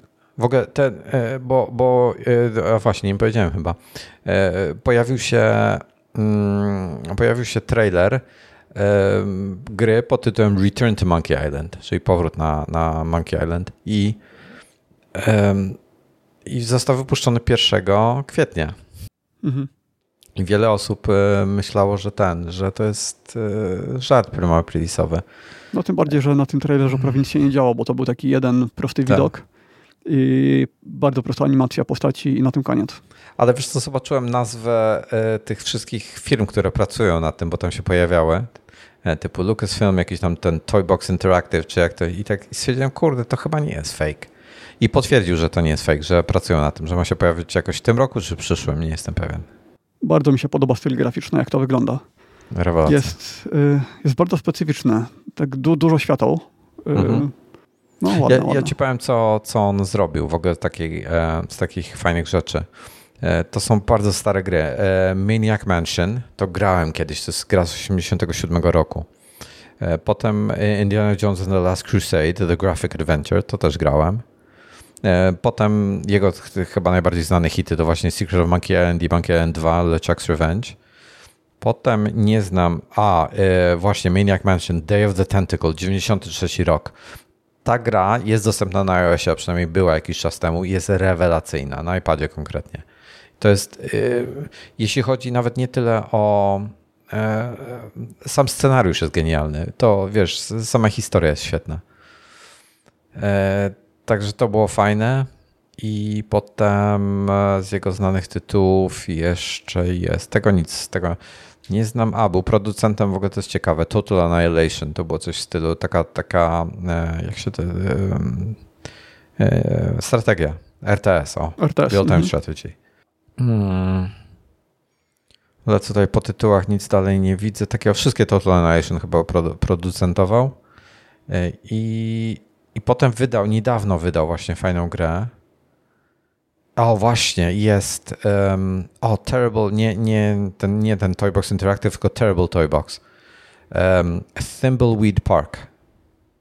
17 rok. I to jest gra, która jest absolutnie rewelacyjna, e, którą nie grałem i została wypuszczona na wszystko, dosłownie. E, Windows, macOS, Xbox One, PlayStation 4, Nintendo Switch, Linux, Android i iOS. I ja mam ją kupioną na iOSie. E, a nie, ja, ona, przepraszam, na Thimbleweed Park był Kickstarter. E, zebrali 375 tysięcy dolarów w ogóle na tym Kickstarterze, także całkiem przyjemnie. Dużo więcej niż chcieli. E, no i teraz pracuję właśnie nad um, Return to Monkey Island. Ale na produkcję gry to, to nie jest duży budżet. I, ale to udało się to wszystko, tak? Te gry fak, faktycznie wyszło to na, na wszystko tak, jak zapowiedzieli. Tak, tak. E, wiesz co, no nie jest, ale, ale wiesz co, nie, nie wiemy, czy już nie mieli jakiegoś budżetu. Mhm. No też na Kickstarterze często się robi, żeby zdobyć e, A nie, jak, przepraszam. żeby zdobyć... E, mhm. cel, cel był 375 tysięcy, a zebrali 626. Mhm. Ja tak w ogóle muszę zobaczyć, co, co bo ja, hmm, ja nie wiem, co mi się stało z tą grą w końcu. Bo ja nie, nie pamiętam po prostu, bo ja ją miałem um, i ją wspierałem. No a teraz, jak już korzystałeś trochę z, dłużej ze Steam Decka, no. to myślisz, że takie gierki właśnie jak tak przygodówki... Właśnie muszę y, spróbować. To, no bo tam sterowanie na y, trackpadzie, a z tego co kojarzę, to ty chyba nie, y, nie jesteś za bardzo z nim kompatybilny. E, wiesz co, no właśnie muszę spróbować, jak to będzie z tego typu grą, bo ja, ja na razie na trackpadzie miałem problem z tym, z takimi, wiesz, e, FPS-ami, tak? Mhm. E, więc nie wiem, no zobaczymy, no. E, zobaczymy. Ja nie, nie wiem, co się z tym Thimbleweed Park u mnie stało. Ja go gdzieś go pobierałem, czy jakiś kod miałem, czy coś, już, już nie pamiętam w tej chwili. E, ale ten, ale e, rewelacyjna gierka z tego, co wszyscy mówią, jest na Nintendo Switcha, na iOSa, PS4, Androida i jest na Steamie. E, na Steamie sobie zobaczę, jest na Xboxie i tak dalej. Kosztuje w ogóle 72 zł albo 92 zł, jeżeli z soundtrackiem kupisz. Soundtrack jest ponoć bardzo dobry. Mm, no i to muszę sobie kupić w takim razie bo to, to wziąłbym, wziąłbym ten Thimbleweed Park po prostu przetestował jako najbardziej nowoczesną. Ale jest ten sam system sterowania na dole. Masz tam, wiesz, musisz myszką wybrać open, close, give, pick up, look at i tak dalej i tam jakieś akcje musisz wykonywać. Strasznie lubiłem tą formę najgorsze, grania kiedyś. Najgorsze były te przygodówki, w których no. trzeba było wpisywać komendy, że niektóre Oho, były jak ja to lubiłem. Użyj, ale wtedy nigdy nie wiesz, co oni wiesz, przewidzieli, jakie zwroty, jakiego, o jakich synonimach zapomnieli. Nie, bo, bo jak miałeś instrukcję i była tam standardowa lista. Wiesz, A, jak... Pani instrukcja, pod... gdzie... Wiesz, były czasy, kiedy ja w życiu, ja wtedy jeszcze oryginała na oczy nie widziałem. Mm, ja miałem, e, ja miałem oryginalne ksero instrukcji, słuchaj. Okej. Okay. Bo to, był, to, to były tam, gdzie ja brałem te gry, to byli tacy ambitniejsi piraci, bo kserowali instrukcje jeszcze. Mhm. E, wiesz, jak ja sprawnie wpisywałem look, give, e, pick i tak dalej, te, te takie krótkie słowa. Ja byłem tak szybko, ja chyba dzięki te, te, tej w zasadzie całej serii Sierra, czyli e, Police Questy, King's Questy, Space Questy, dzięki tym grom nauczyłem się szybko pisać na klawiaturze. Tam to tak dużo tych komend Ale była taka gra Ace Ventura no. no, no, na bazie filmu i tam było rewelacyjne zabezpieczenie antypirackie. W pewnym momencie trzeba było ułożyć totem. I ten totem ułożyć tak po prostu samemu, no to było straszne. No, nie, nie dawałem rady. I się okazało, że ten totem jest na pudełku z gry. Na pudełku czy w instrukcji. No więc jak ktoś miał oryginał, to tak pyk i gotowe. No a ja tam walczyłem. E, Bartosz dołączył. E, te, Bartosz jest królewną. Dzisiaj wstał bardzo wcześnie, 10.20. E, cześć Bartko. E, nie, no rewelacja. Powiem Ci, że jestem zachwycony e, tymi grami i muszę tego Thimbleweed Park odpalić sobie teraz. Tylko skończę najpierw Firewatcha. Teraz nie miałem czasu Firewatcha pograć, ale nabędę, nabędę Thimbleweed Park i czekam na ten, ten, na Monkey Island. To jest genialna gra. W ogóle... No ale czy wiadomo chociaż kiedy się pojawi? Data premiery? E, nie, nie jesteś, nie, nie wiadomo. Wiesz, już czekaj, już spo, e, spojrzę, czy jakichś nowszych informacji nie ma. Um, w, tym, w tym roku ma być. A, tak, 2022. No, do, no. okej, okay, szybko. Bardzo chciałbym jeszcze raz zagrać sobie w Indiana Jonesa i And the Fate of Atlantis. To chyba moja ulubiona część była. I nie pamiętam, no, coś tam Atlantis. To, też nigdy w to nie grałem ale z przygodówek nie mogę przeżałować, że Syberię mnie ominęły i to jest coś, co bardzo bym chciał kiedyś nadrobić. A to tego nawet nie znam, co to jest. Yy, Syberia? No. Mm. Siberię, rozumiem. Yy, no w Polsce chyba było po prostu jako Syberia, a po angielsku to no tak, tak. A, tylko... pisane przez Syberia w ogóle po tego, przez Y. To jest jakaś tylko... rosyjska gra? Chyba nie. Nie wiem, nie wiem skąd ona jest. Yy, kilka części ma i one też później wyszły na iOSy, o, chyba bardzo ten... słabe, bardzo niewygodne w sterowaniu. To był ten moment, kiedy, kiedy y, próbowali tworzyć realistyczną grafikę, ale nie do końca to im wychodziło. Mhm. Bo jeszcze możliwości były. Nie jest, ona stylistycznie nie jest brzydka. Y, podobno teraz Łukasz tutaj donosi, że jest, wszystkie trzy części są w promocji na Switcha obecnie. Które? Czego? Y, no, Syberii. Wszystkie A, okay. trzy części. Ja bym chciał to na PC zagrać takim normalnym sterowaniem.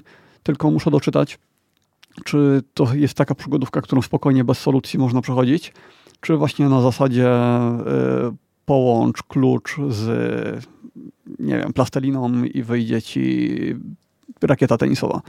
Bo niestety te stare przygodówki, to one tak miały.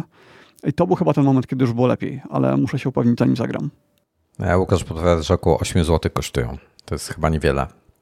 Mhm. E, Pili się pyta, czy graliśmy w Rick Dangerous. Kojarzę, kojarzę tytuł, chyba nie grałem w to. Nie pamiętam. Nie kojarzę tytułu i nie grałem. Jest tak dużo gier grałem w mod, ale bardzo miło. To były czasy, kiedy hmm, tak właśnie kojarzę, że te wszystkie przygodówki, o których ty, ty mówisz teraz o tym, że trzeba było pisać, to to był mhm. King's Quest, to, to był King's Quest w ogóle jeden, to był chyba graficznie najgorszy z nich wszystkich. Police Quest Ale... już był taki ambitniejszy, Space Quest był jeszcze fajniejszy. Space Quest 1 był taki słaby, chyba też. Trochę lepiej niż King's Quest. Ale nawet jeszcze Lary y, 7, to on no. też miał, że trzeba było pisać. Pamiętam tak? pierwsza Larry, scena, jak Larry? się... Lary 7, tak. Jak się y, uwalniało z mieszkania, płonąc, chyba ono płonęło, to pamiętam, że tam na drzwiach czy na czymś trzeba było y, wpisać, co on ma z tymi drzwiami zrobić. Więc takie rzeczy to z solucją musiałem przechodzić. No to powiem ci, że to, to wszystkie, do dzisiaj pamiętam i bardzo miło wspominam tę grę. Mhm. E... Książę tchórz było dodane do jakiegoś czasopisma kiedyś, e, do klika czy do czegoś. To, to, to nie grałem. E, nie sądzę, aby mi się dobrze grało w te pisane na, na tym, na Steam Decku na przykład. W te pisane. E, mhm. Ale gdzieś tam był ktoś którąś z tych gier przerobił właśnie na ten, e, e, e, że te teksty takie są do wyboru. Klikasz myszką i wybierasz, co ma zrobić, na przykład open, ale wiesz, słowo wstawia. Mhm. W tych, o których ja wspomniałem, to prawie wszystko jest na tej zasadzie, że to natywnie było w ten sposób, ale dodatkowo były jakieś pojedyncze komendy, które trzeba było wymyślić. No to to mi się, to, to było mega. To fajne gry, także czekam na te, na te ten. Kurczę, potrzebuję mieć więcej czasu na Kurde, tą Syberię to chyba sobie aż po, po nadgryzionych zerknę na Steama i chyba zakupię.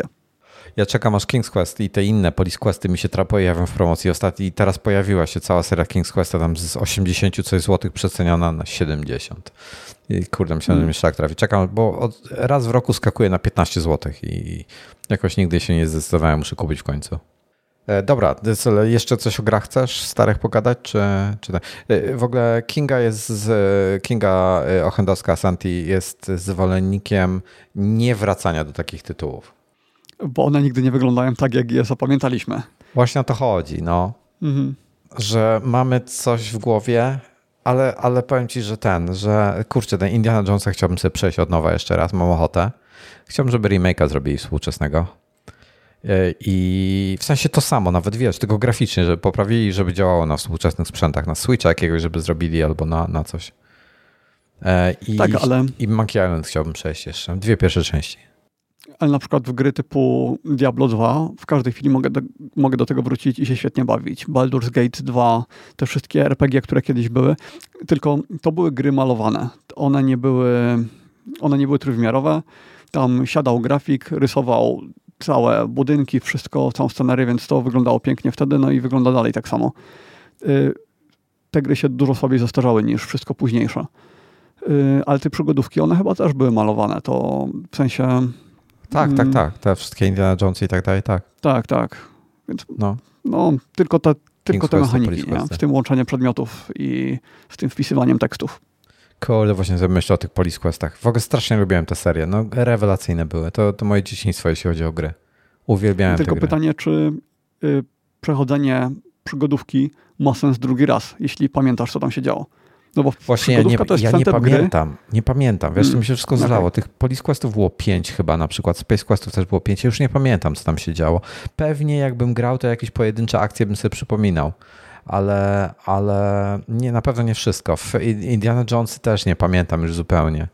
Nie, Blade wiesz, Runner był, y, był ciekawy, bo tam yy, ja w niego nie grałem, ja o nim tylko słyszałem, ale tam bodajże osoba, która była androidem, była losowana i przechodząc kilka razy no. yy, in, in, były inne osoby, yy, więc nie wiedziałeś, nie znałeś rozwiązania. No, ja w to nie grałem. W to nigdy nie grałem. To był dobry, to, to, te przygodówki były fajne, wiesz, one były naprawdę, bo były śmieszne, były inteligentne, to były takie mm, trochę interaktywne filmy, no. Naprawdę niektóre były dobrze napisane, e, pod względem szczególnie humoru. Secret of the Monkey Island był genialny. Naprawdę, naprawdę fajny. Do dzisiaj pamiętam z Secret of the Monkey Island taką zagadkę, gdzie tam, gdzie e, mm, a jak to było? How much wood could a woodchuck chuck if a woodchuck could chuck wood? Taki tongue twister. Kurczę, rewelacja. E, to pamiętam. I była e, bitwa na, e, na te, na te, te, jak się nazywają te miecze piratów? Szable? Szable. No, chyba tak. Mm. To była bitwa. W pewnym momencie trzeba było pokonać jakiegoś tam mistrza, żeby gdzieś przejść dalej. I i pokonywało się, on wypowiadał kwestie. I on coś mówił, i potem były typu wymiany, 3-4 wymiany uderzeń, i ty nie sterowałeś to jakby samą walką, tylko mogłeś potem dać ripostę. I, I chodziło o to, że walka była na riposty. I im lepszą dałeś ripostę, tam miałeś do wyboru jakieś, to, e, to, to wygrywałeś wtedy miecz. To było świetne, to mi się strasznie podobało. No. E, nie, naprawdę, wiesz, kreatywność w tamtych czasach, e, taka, taka, taka, takie sprytne podejście do tematu było dużo wyższe niż, niż w dzisiejszych grach. No, teoretycznie że... to są idealne tytuły do przełożenia na ekrany dotykowe, na iPada. No ale właśnie coś mi świta, że w przypadku tej Syberii to tam był, było tragicznie. No właśnie nie wiem, był, dużo gier straciliśmy jak Apple odeszło od 302 bitów. bo dużo gier wtedy wyleciało. Mhm. Dominik strasznie płacze, że komandosi wszyscy wylecieli i tak dalej. Diablo 2 wtedy wyleciało z, z Maków. Mhm. No, to jest trochę takie smutne, e, że, że no ja rozumiem, ale im się nie opłacało, a Apple'owi też się nie opłacało, żeby trzymać te 32 bity i, i, i naj, najwięcej my na tym straciliśmy jako e, użytkownicy, no po prostu. No na szczęście tyle fajnych gier wychodzi, że nie czuję dużej potrzeby wracania do tego, co już poprzechodziłem. No jedynie ten Baldur's Gate to, to jest tytuł, do którego, którego pewnie jeszcze przejdę wiele, wiele razy. Dwójka, nie. druga część. No, ja muszę wrócić do tego, ja muszę wrócić koniecznie do tych Secret of the Weekend i e, Indiana Jonesa na pewno. I może te Police Questy i Space Questy jeszcze będę chciał przejść. Tylko nie wiem za bardzo właśnie na czym w to będę grał jeszcze. Mm, odnośnie Baldur's Gate'a i iPada. Czy hmm. jest jakaś metoda, żebym sobie wyciągnął moje savey z iPada y, i użył ich nie sądzę. na komputerze? Nie sądzę. Chyba, że są one gdzieś w chmurze, ale też nie sądzę. Ale co, coś na zasadzie, y, pamiętam tak się robiło wyciągając tokeny z urządzeń Xiaomi, no. że robiło się kopię zapasową i, y, iPada czy tam iPhone'a i jakąś przeglądarką tą kopię można było mm, tam no, przeglądać, pliki oglądać. Czy jakoś w ten sposób by się nie dało? To jeśli ktoś wie, to niech mi da, da znać, bo mam save'a na iPadzie, a bardzo bym to chciał skończyć na PC. Musisz chyba, chyba od początku zacząć, wiesz? Obawiam się. Dobra. Hmm. Next. Mhm. E, Kindle. Jest w tej chwili promocja na, e, na Kindle i na Kindle Paperwhite'a w Amazonie. Rewelacyjna promocja, bo jeszcze takiej nie było chyba. E, na iMagu jest na ten temat. Zrobiłem wpis aż z wrażenia, bo jest podstawowy Kindle w tej chwili ma sześciocalowy ekran. Jest, oczywiście mówimy o modelu bez reklam, bo w Polsce chyba te, te, te z reklamami nie funkcjonują nadal i jest przesunięty z 400 na 225 zł. Lepszy jest Paperwhite, bo ma 6, e, e, ten nowy ekran 6,8 cala, czyli ten większy. Ten największy to ma chyba Oasis, ma chyba 7 cali. 8 e, giga, zresztą te gigabajty to nie mają znaczenia, bo tam te książki dużo miejsca nie zajmują, także i tak pewnie tysiące książek zmieścicie, nawet jak nie będziecie mieli modelu 8 gigabajtów. Tylko ten zwykły Kindle ma chyba 4, coś takiego, tak mi się kojarzy. 6,8 cale regulowane podświetlenie ma, czyli ma jakiś tam czujnik e, światła z tego co pamiętam i ma jeszcze coś w stylu e, True Tone, czyli mm, wieczorem tam taka bardziej żółta się ta kartka e, elektronicznego papieru robi. I, i ja, mój, mój, ja mam starszego Kindla Voyage, czy, czy też Voyage i nie, nie mam. Mam regulowane podświetlenie, mam czujnik na e, podświetleniach, co sobie bardzo chwalę, więc jeżeli macie kasę, jeżeli chcecie czujnik ten, ten, to wydajcie te dwie stówy ekstra i weźcie sobie Paperwhite'a, bo jest lepszy. E, też bez reklam jest przeceniony z 690 zł, co jest dosyć dużo, na 451. I naprawdę, ja jak czytam cokolwiek w tej chwili, już w ogóle na iPadzie nie czytam zupełnie, E, wszystko czytam na Kindlu, e, jestem zachwycony. Mm, miałem dyskusję tam z kimś na, na Twitterze, że e, osoby, co lubią dużo czytać, powinny takie sobie jakiegoś takiego Onyxa kupić, tam jest jakiś taki, taki tego, tylko to są wszystko, to już, tutaj już są czytniki takie grubo powyżej 1000 złotych. Mhm. Ja kupuję książki, ja akurat w ogóle, ja kupuję książki w, albo dla siebie w Amazonie, ale angielskie, tak? Angielskie, po angielsku kupuję w Amazonie, więc to jest dla mnie super wygodne, po prostu to jest jeden klik, czy kupisz go e, z przeglądarki, czy kupisz e, bezpośrednio z Kindla. Mija parę sekund i masz na urządzeniu, tak? Wszystko, wiesz, po Wi-Fi leci, chyba, że masz model 3G, no to po 3G ci może lecieć. E, super, super wygodne. Natomiast moja żona y, ma swojego Kindla i, y, i to również działa bardzo ładnie, bo y, kupuję w tych polskich księgarniach, mam tam konta w tych wszelkich jakichś tam Virtualo i tak dalej. Zazwyczaj książek szukam na upoluj.ebuka.pl bo tam ci pokazuje, gdzie jest dostępny w najlepszej cenie i I tam kupuję książki, czyli tam sobie znajduję jakąś księgarnię, typu jakieś wirtualo czy jakieś inne e, i, i, i, mam tam konta i mam tam spięte, e, jakby podpięte konto Kindle'owe, więc ono od razu, ta księgarnia, nie dość, że pobieram sobie na dysk, bo to sobie mogę pobrać osobno, żeby mieć archiwum, jakby z jakiegoś powodu pobieram, bo gdzieś zniknie z oferty sklepu z jakiegoś powodu jakaś licencja czy coś i nie będę mógł pobrać sobie w przyszłości, więc pobieram sobie na dysk, żeby mieć na dysku. I wtedy, jeżeli pobiorę na dysk, to mogę po prostu wy, wysłać nam maila. Mam konkretnego, do każdego Kindle przypisujesz maila e, customowego w domenie kindle.com i, um, i mój, mój Kindle ma swo, swojego maila, mojej żony ma swój inny i e, po prostu wysyłam na e-maila książkę. E, wadą tego jest to, że limit książki może mieć tam, nie pamiętam, 50 megabajtów chyba. Nie może być większa. Większość no, książek ma parę megabajtów, więc nie ma problemu. Jest... Tak, to tak, jest dużo. Tak. Jak na razie nie mogłem dwóch książek przesłać jej. Jeden to był jakiś taki przewodnik, e, który mocno ilustrowany, który był za duży po prostu.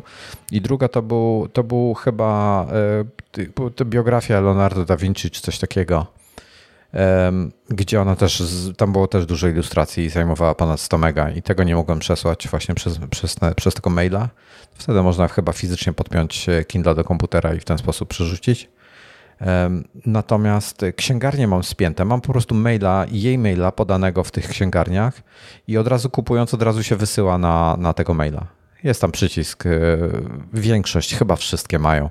Wyślij na Kindle i, i tyle i klikam wyślij na Kindle i wiesz, parę minut później czy parę sekund później u niej już jest. Więc mhm. e, rewelacja. No, A ja do dzisiaj nie mam. No, no, kontynuuj. E, Kindle. Pisze, Amazon nie ma polskich książek. No właśnie, angielskie kupuję w Amazonie, polskie kupuję w polskich księgarniach, czy to jest jakiś Empik, czy jakiś e, Virtualo, czy ktokolwiek wydaje w danym momencie książkę ma najlepszą cenę. E, tak kupuję, wysyłam po prostu jednym przyciskiem. Nie ma z tym żadnego problemu. Płaci się zazwyczaj albo blikiem, albo kartą, albo cokolwiek.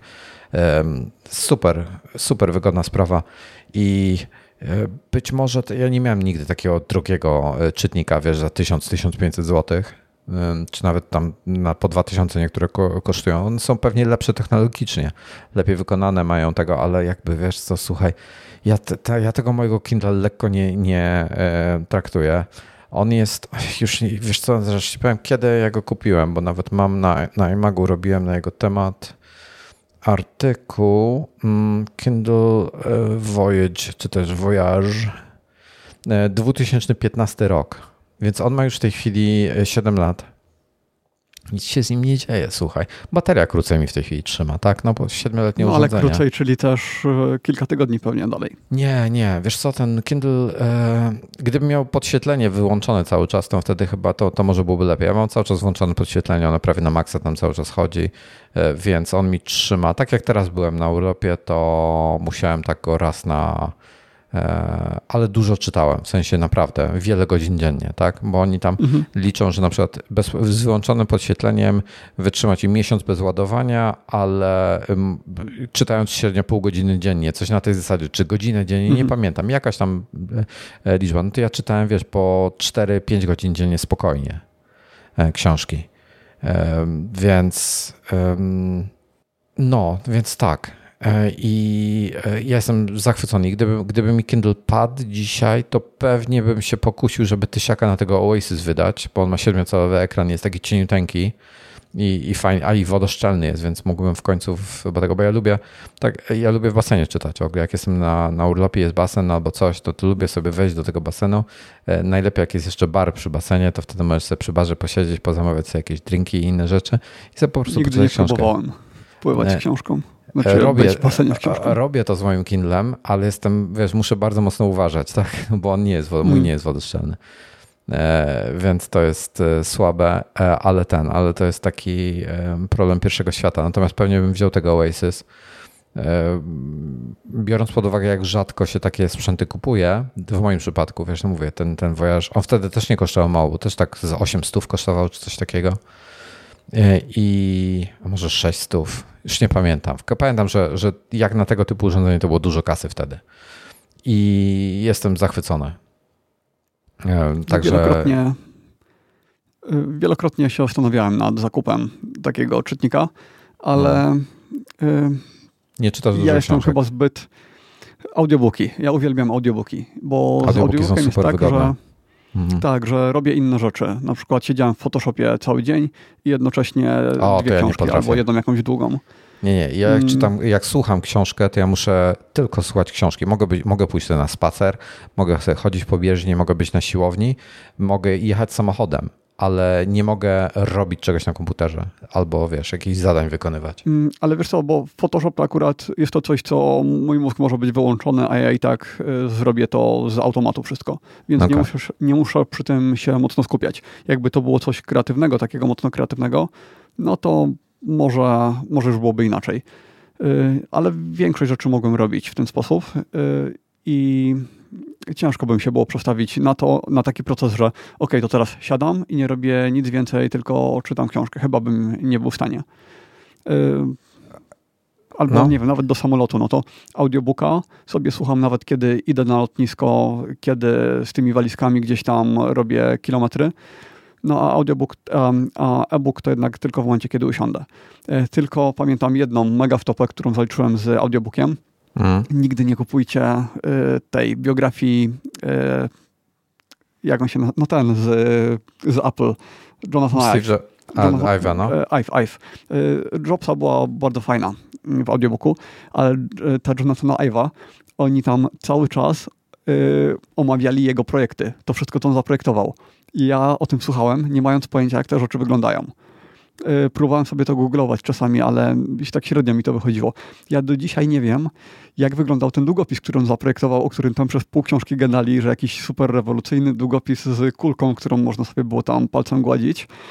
I ja go próbowałem wygooglować, ale tyle różnych dziwnych rzeczy mi się wyświetlało, które nie wiem, które było prawidłowe, że nie doszedłem do tego, jak to wygląda. Więc y, dwa razy słuchałem tego audiobooka i będę musiał kiedyś jeszcze kupić książkę i tą książkę przeczytać. No tylko właśnie to wtedy już lepiej na iPada, no bo to są typowe zdjęcia. Y, to nie jest, y, to na Kindle wyglądałoby gorzej. Y, I chyba tak zostanę przy tym, że ewentualnie kupię jakiegoś Kindle, tego, ten podstawowy model, żeby był, tak na wszelki wypadek, żeby go użyć raz w roku i tyle. No, super, ja bardzo lubię. E, W tej chwili w zasadzie z Kindle korzystam rzadko kiedy. Ja, hmm, ja sobie zawsze, nawet jak są jakieś książki, na które długo czekam, teraz, teraz były dwie, na, na wyjazd miałem dwie odłożone. Nie, nie czytam, w ostatnich latach nie czytam e, w domu za wiele, e, tylko na właśnie na wakacjach. Taki, taki sobie e, zwyczaj Mm, a- zrobiłem. Nie wiem, czy to dobre, a czy czy- złe. A czy jest tu jakaś usługa abonamentowa, mm, tak jak mam Storytel albo Audiotekę? Tak, tak, To są. coś takiego dla e-booków, ale dla Kindle, nie bo Okej. Nie, Yy, jest coś Polska. To, I to jest też na Kindle, ale to jest ogólnie. Nie pamiętam, jak to się nazywa w tej chwili. Bo pamiętam, E. że były usługi, ale w nich musiałeś mieć dedykowany tablet, który się łączył i sprawdzał, czy y, no, sprawdzał tak jakby oryginalność i ważność tej usługi.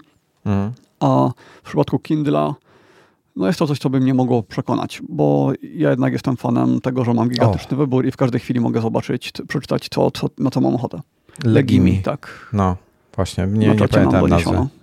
Ja chciałem powiedzieć, żeś pogadał sobie z tą, z Angeliką, z Izoją, bo ona, ona korzysta z tego i tam Tak. przerabia Ja właśnie myślałem, że. Legimi wymaga specjalnego tabletu, że nie jest kompatybilne z tymi amazonowymi. Ja, wiesz co, nie wiem, szczerze mówiąc, jak tam Legimi odróżniają. Oni na pewno jakąś swoją aplikację w ogóle chyba mają. Na iOS-a czy coś. Chyba, tak mi się kojarzy. Tam było coś jeszcze, poza Legimi coś jeszcze innego było. E, Heisenberg, re- Real Time Follow-up. E, By the way, e, wracając na chwilę do bieżni, to wysokość biurka blatu, ja- jaką ja muszę mieć, żeby komfortowo chodzić i mieć przedramiona odparte, podparte na biurku, to 136 cm. Ile to u was, e, ile u was to jest? To jest tak, że po pierwsze to zależy od twojego wzrostu, po drugie nie powinieneś mieć przedramion podpartych na biurku, tylko one powinny, powinieneś mieć łokieć chyba pod kątem 90 stopni zgięty i ręce ci powinny tak delikatnie wisieć nad klawiaturą dosłownie, tak żeby był idealnie 90 stopni e, w łokciu zgięcie i ręce ci tak dosłownie w tym momencie są odpowiednio ułożone na klawiaturze. Mhm. E, No musisz sobie wymierzyć, no po prostu musisz sobie wymierzyć, bo każdy Okej, ma inny żeby wzrost. była jakaś, żeby był jakiś punkt odniesienia, to u mnie y, wzrost 1,87 m, biurko 122 chyba. Y, Różnie właściwie, ale wahało mi się to na przestrzeni tych y, lat między 120 a Z 125 bieżnią czy nie? Z bieżnią. A bez bieżni to w sumie podobnie, tylko ja wtedy miałem ogólnie trochę inny setup. Miałem e, monitory trochę inaczej poustawiane, e, coś, coś tam namieszałem w międzyczasie.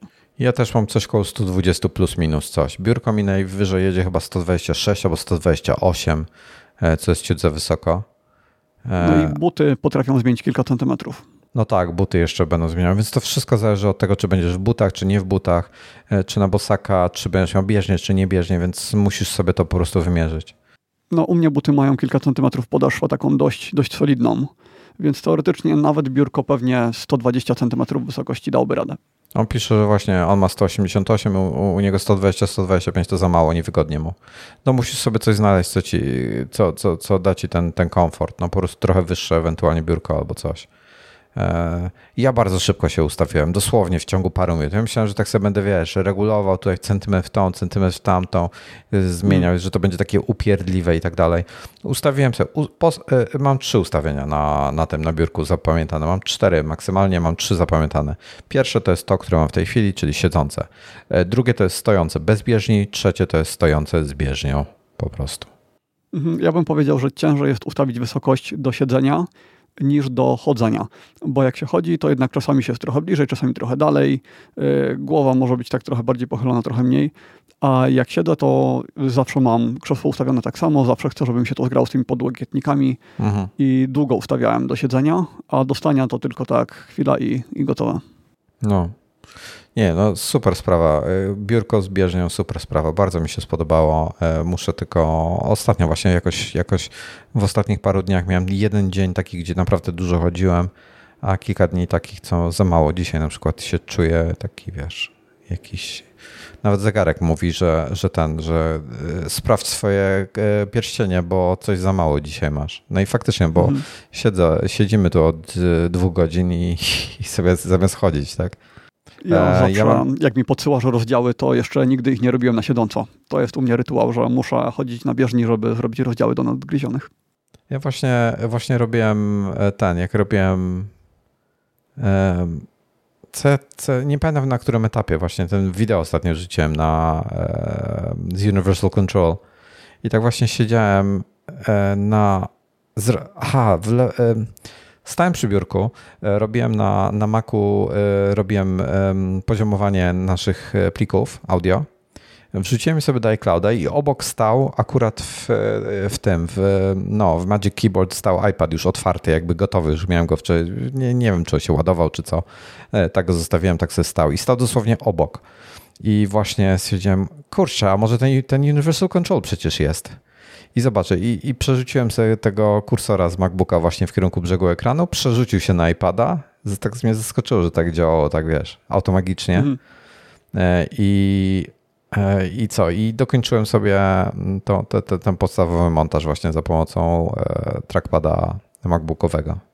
I wszystkie wtedy. skróty klawiaturowe, wszystko działa wtedy tak, jakbyś tak, miał tak, tak. normalnie Dosł- klawiaturę podpiętą. Tak, dosłownie mhm. jakbyś był podpięty na, na tym, na, na iPadzie. I to takie całkiem ciekawa koncepcja. E, ale to jest jedyne gdzieś zastosowanie, gdzie ma to, widzę, że ma to jakiś sens, ale wiesz, równie dobrze mogę sięgnąć po tego, po tego Kindle, e, tfu, iPada i zrobić to na nim bezpośrednio. Mm. Wracając jeszcze na moment do biurka, bo tutaj znowu jest real-time follow-up. Ja mam biurko z IKEA z korbką, takie co ma dwie, dwie, szerokie stopy i podporę pod spodem po długości, ale ono jak podniosę na maksa, to się buja przód tył. Troszkę lepsze biurka też tak mają. Ja mam taką samą konstrukcję biurka, w sensie jeśli, generalnie jeśli chodzi, czyli masz dwie takie podłużne nogi, jakby, jakby na długość blatu prawie, e, na głębokość blatu, przepraszam, po bokach, e, dwie nogi i pod spodem e, stelaż i... Tak, większość tych elektrycznych tak ma. Większość. Znaczy, tych podnoszonych. Mhm. Moje, moje jest super stabilne. Troszkę się, jak, jak szturchniesz go, no troszkę się, ale nie powiedziałbym, że się buja. Po prostu no, ruszę go, no bo jestem w stanie go ruszyć, bo, jest, bo, bo jestem silny no, w porównaniu mhm. z wagą tego biurka. Natomiast jest bardzo stabilne. Jestem zaskoczony, jak stabilne jest. Nic e, podczas chodzenia, jak mam normalnie ręce oparte, nawet jak oprę się na biurku, e, z jakiegoś powodu przed ramionami się oprę, czyli pochylę się, pochylę ciało, plecy i, i fizycznie oprę się e, na nim i będę szedł w tym czasie, czyli całe ciało mi się rusza, to biurko się nie trzęsie. No, Bo się buje, jak się podniosę na maksa. Czyli stelacz po prostu, te, te, te pionowe e, są za słabe. W Idasanie też nie zauważyłem, żeby cokolwiek mi się bujało. Wiem, że w Bekancie z tym z Ikei, on jest właśnie też w wersji z korbką i elektryczną, więc to może o to chodzi, to wiem, że ono było tak niezbyt, niezbyt stabilne. No to by mnie wkurzało, gdyby nie było stabilne. No, powiem wam, że to jest, mhm. jest jedne, że wam, no wam, no. Jestem mega zadowolony z tego, z tego biurka. Tanie nie było, ale wykonane jest świetnie. Zero, zero. I bardzo się cieszę, że wziąłem ten spad taki. Czyli, że, że nie mam um, tego, tego ścięcia. Pokazywałem ci to? Mm, Także przy dłoniach jest y, takie ścięcie pod kątem 45 stopni, a nie 90 no, stopni. No, no, no, to jest mega wygodne. Fakt, że trochę ci pewnie o parę centymetrów skraca ci e, blat, e, jakby nie patrzeć, ale w takich warunkach chodzących czy stojących jest super. Jest to, mhm. jest to plus. Także z tego się mm, cieszę. Ja mam, y, ja mam podpórkę pod nadgarstki w klawiaturze i tylko przez chwilę korzystałem z normalnej klawiatury bez, te, bez tego, więc mhm. nawet już nie pamiętam, jak to wtedy było. O, Heisenberg pisze, e, moje się e, buje, jak podniosłem na maksa, jest luz na tych profilach, e, który jeden z drugiego wychodzi na gwincie. Nie, ja nie mam, nie mam czegoś takiego, nie mam problemu z tym, zupełnie. Więc może po prostu jest no mniej stabilna no, konstrukcja, ten stelaż cały. Mm, także no jestem bardzo zadowolony. Dobry, dobry ten. Cieszę się, na, że na się czacie widzę, że dużo osób ma biurka podnoszona. Zresztą mm. Jasiek wcześniej też się pojawił. Yy, On też ma z stojący, innej kultury. Tak, tak, niedawno zrobił upgrade i też na Twitterze pisał, że świetna rzecz. Yy, no ale, już, ale, ale, widzę, wyśmiał, że... ale już nas wyśmiał za, że mamy stojące biurka i chodzimy. No nie powiedziałbym, że wyśmiał. Yy, zwr zwrócił uwagę. Yy, po znajomych też widzę, że co mm, mnóstwo osób się przerzuciło na biurka stojące i chyba się powoli to zaczyna robić standardem. Jeśli ktoś pracuje na komputerze, to yy, no ta świadomość, jak to wpływa na zdrowie jest już dość duża. Właśnie to jest też, za, sekundkę, czekaj, real time follow-up. Marcin pisze, cześć chłopaki, słucham was od dawna, ale dopiero L4 pozwolił mi wpaść do was na żywo. Jak sobie pomyślałem, że miło mi, ale potem, no, że jest chory, to tak niemiło, więc powiem cześć Marcinie, fajnie, że wpadłeś, e, szkoda, że jesteś chory. E, a wracając do zdrowia, to, e, to kurczę, wiesz co, to jest to jest tak jak ze szpinakiem, no. Szpinak jest zdrowy, szpinak nie jest zdrowy. Więc... Czekolada jest dużo zdrowsza od szpinaka. Prawdziwa czekolada, tak dużo, dużo, dużo, setki razy. Tak? Taka jest twoja teoria? Nie, nie moja. Tego jeszcze nie, tego tak, jeszcze tak nie słyszałem. E, yy... Czy jak chcecie być zdrowi, wcinajcie czekolady, ile wlezie. E... Nie, nie, nie, nie ile wlezie. 30 gramów y, dziennie maksymalna dawka takiej czystej czekolady. To tyle się przyjmuje, że dla zdrowia jest dobre. E... Czekaj, co ja chciałem powiedzieć? O nie, o L4 chciałem powiedzieć. E, no, o wpływie na zdrowie. Znaczy, bo A, chodzi o to, e, nie, nie tak, o to, żeby tak, stać, tak. tylko żeby zmieniać pozycję, żeby się ruszać, żeby tak, to nie było ciągle tak generalnie tak samo. specjaliści mówią tak na początku, że w ogóle siedzenie jest w ogóle, w ogóle nie powinniśmy siedzieć podczas pracy przy komputerze. Taka była pierwsza wersja i to parę, pamiętam o tym, parę lat temu czytałem, e, to jacyś lekarze się wypowiadali, właśnie, żeby, żeby tylko stać. Potem, że jednak nie do końca, że lepiej trochę siedzieć. Potem było, że lepiej e, dwie trzecie stać, jedną trzecią siedzieć. W tej chwili jest mniej więcej pół na pół, bo ostatnio jakiś update był, badań.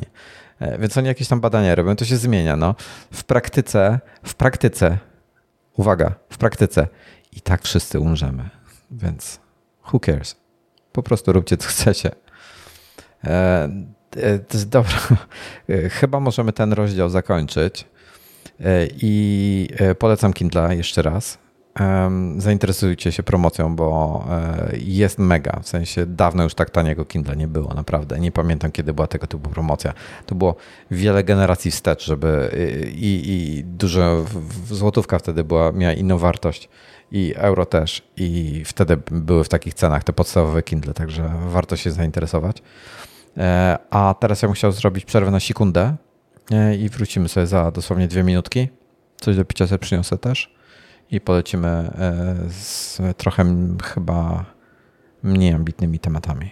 A ja myślałem, że to już zakończenie, ale dobra, jak tam, jak tam jeszcze coś Chyba, jest. Chyba, że chcesz kończyć y już, bo ty nie wiem, czy masz jakieś plany, czy nie? Ja, nie, nie, czas mam. Jakaś dziewczyna na ciebie czeka? Czas, czas mam, więc jak masz tam jakieś tematy, to można przerobić. Eee, No, widzę, że to poważne tematy. One Password. Nie, tego nie chcę, Eee. to one tutaj leżą od jakiegoś. E, tego App Store Distribution You, to ty wrzucałeś to, czy ja? Mm, nie widzę tego, muszę odświeżyć chyba. No, Nie, nawet nie pamiętam tego. To jest e, artykuł z. e, Nawet daty nie ma. A nie, to jest z, z przed dwóch miesięcy. Może ja to rzucałem. A, to ja to wrzucałem, już wiem o co Nie, chodziło. jeśli, jeśli coś jest związane z App Storem, to gwarantuję, że, To że raczej ty to wrzucałeś. No, Nie, nie, o ty- One ty. Passwordzie jeszcze nie jestem gotowy rozmawiać, e, o tym do Keychain, ale to wrzuciłem, żebyśmy mieli, mieli e, wątek.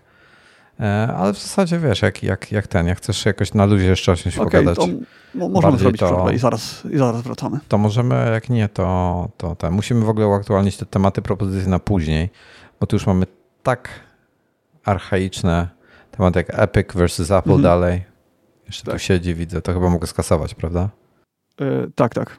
O, a może byśmy zrobili ten ambient za telewizorami i monitorami. Chcesz o tym pogadać? Już o tym gadaliśmy. Właściwie to ten temat przerobiliśmy, bo No, ale- y, przy okazji promocji na Black Friday mówiliśmy trochę o tych rozwiązaniach Govi. mhm. Y, Omówiłem o tych problemach, które są przy okazji DRM-u, czy tamtego zabezpieczenia przy streamingach na PC, więc to już tak dużo o tym było. Rozbite na takie mniejsze tematy.